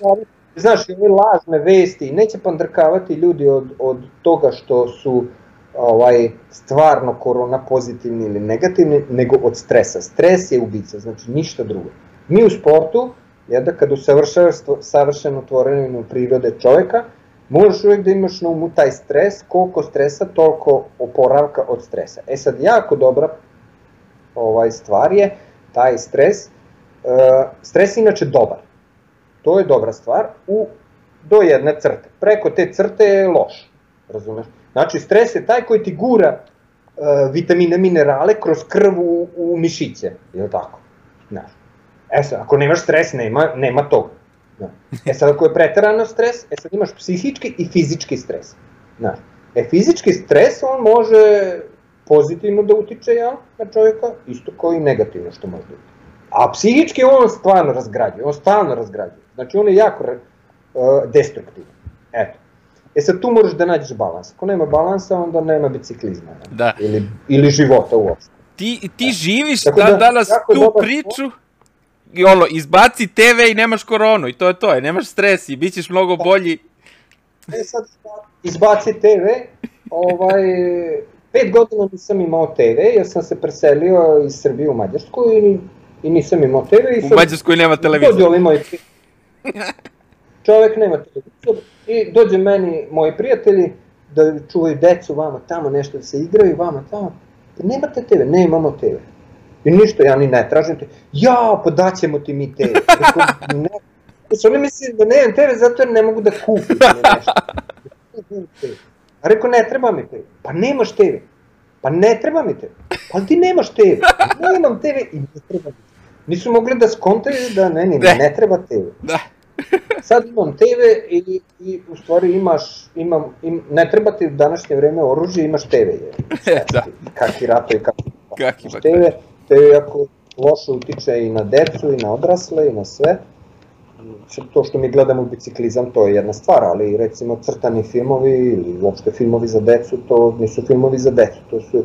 Propagandni materijal. Jedino pozitiv, sad si me dobro, sad smo, kad pričamo već o televiziji, recimo što smo mi pogrešili, to je prediktivno programiranje, znači, uh, recimo, te televizije su dobro, oni destruk, destrukciju rade, ali šta bi mi mogli u buduće da radimo, jel da, da kroz ove televizije, ne televizije, nego kroz ovakve programe, recimo da pozitivno uh, programiramo, recimo kao kod kase što nije bilo programiranje, prediktivno programiranje, ti ćeš biti profesionalac i bit ćeš vrhunski profesionalac. Kod mene je to bilo što se Dera tiče i evo uspelo je, uh, jer sam ja njemu rekao, ti ćeš, sad idemo, u, išli smo baš u radio, mislim to nije bilo, tad nisam bio, da kažem, svestan toga, ali bilo je recimo, ja sam njemu rekao, ti sad ideš u radio, i da, bili smo u radio emisiji uživo i ti kaži da ti hoćeš da budeš profesionalac i da zato radiš i treniraš ovo što, što radiš, zato radiš ovo što radiš, da bi jednog dana bio profesionalac i da bi živeo od toga, jel da? Jer bi onda radio ono što voliš i radio bi to za pare, ja? I ipak su mnogo bolje pare nego, nego da radiš u fabrici, ja? I, i eto to, ali to je bilo nedovoljno, ta, ja, mislim, vidiš, on jeste postao profesionalac, ali nisu, da kažem, postavljeni tako vrhunski ciljevi da recimo da uzmem evropsko prvenstvo, da uzmem, znači to mora da se postavi u startu da bi to na kraju priče se i desilo, jel da? Jer moraš da znaš, ono, pa, pazi šta pomisliš, jer će ti se desiti. Baš to, pazi, to, pazi šta želiš, pazi šta želiš, žele mogu, želje mogu da ti se ostvare, baš, baš to. A... Nije želja dobro, želja nije pravi izraz, Aha. jer je volja tu ta koja te dovede do cilja. Znači, volja, volja je, znači, i karakter či, dobar karakter čini osobi, to je jedna osobina volje, jel, karakter, da ti izgradiš to prvo, pa karakterom možeš nešto drugo, pa tako, znaš, mic po mic, dok stigneš do željenog cilja. Da menjaš i izgrađuješ svoj, svoj karakter. Naravno, to opet stižemo do priče da to, niko, to nikom ne treba, on neće destrukciju, da ga bole, da ga ne znam šta, I se hvali s time kako on ne može nešto jer ga boli. Znači, našo je odgovor, izgovor za odgovor. Izgovor. Hoćemo da završimo ovde sad ovu našu priču. Ja, sada to još kažem, mogu da, da kažem da neke nove generacije koje dolaze, ako ovo pogledaju, mo, sad će znati da su bili i petofazi, da ne plaču ako im je nazad samo desetofazi, ja? ili tako. Sad se voze neke avionske bicikle i voze se, jer kod nas u Vojvodini je bicikla, da. ta bicikla, jel da? Bicikla ima sve članove znači, kod nas, to je super, to je super. I muški, i ženski, da, i srednji. To je znaš, onaj, to je verovatno neki mađar, pošto je tu većinski subotica, to su mađari bili pre, jel? Onda, znaš, oni, oni tako promaše, ta Đorđe, ti bi bio ta Đorđe, znaš, i tako, znaš. On, ona, Bi, e, Đorđe, bila si na pjeci? Znaš, tako pričaju. Da. I onda, ovaj, zato što viš nema tih rodova isto kao u, u, u engleskom, ja?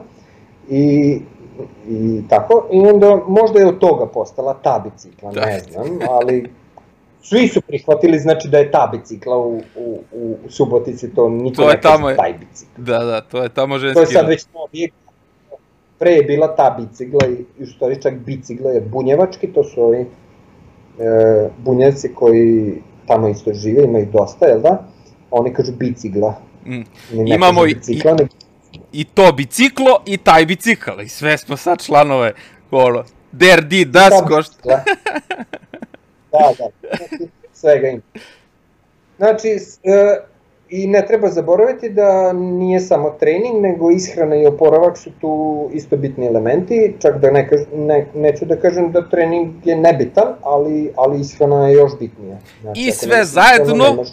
sve zajedno dnevnik samokontrole, kao srž svega. To je srž svega, to je fundamentalna osnova.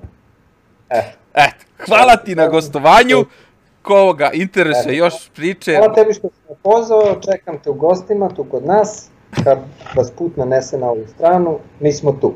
Eto, svraćamo. Ako nas vrate sa granice, do, doćemo kod tebe. Eto, zašto kažem. Eto. Eto. Ništa. Super smo se ispričali. Ne, najbolje, čuvaj se i pravi samo ovakve emisije. Važi. Pozdrav. Sve najbolje, prijatno. Ćao. Ćao, čao. Nadam se da ste uživali u ovoj Dejanovoj priči i kao što vidite još jedan od zaljubljenika u biciklizam koji živi biciklizam i dan danas, a nakon snimanja ove epizode Dejan mi je poslao tu himnu Spartaka koju ja mislim da morate da čujete i koja je idealna da završimo ovu današnju epizodu uz himnu Spartaka koju, kako sam ja razumeo, Dejan samo inicijativno a, traži od svog e, prijatelja. Tako da uživajte i prijatno do narednih epizoda. Zašto ne bi naši biciklisti bili kao futbaleristi? Zašto ne bi mi imali himnu kad imamo istoriju divnu? Spartak je ime koje dugo traje, na dva točka sove nam daje. To su momci što imaju snagu, mnogo paze na jelo i vagu. Spartak himna neka para uši, mi vozimo da se asfalt puši, mi sprintamo nakon osam sati sa hiljadu i petstotin vati. Spartak je ime koje dugo traje, na dva točka sove nam daje. To su momci što imaju snagu, mnogo paze na jelo i vagu. Mi stižemo baš na svako brdo, nije bitno koliko je tvrdo. Mi smo ljudi golubovi beli, pa smo i mi svoju himnu hteli. Spartak je ime koje dugo traje, na dva točka asove nam daje. To su momci što imaju snagu, mnogo paze na jelo i vagu.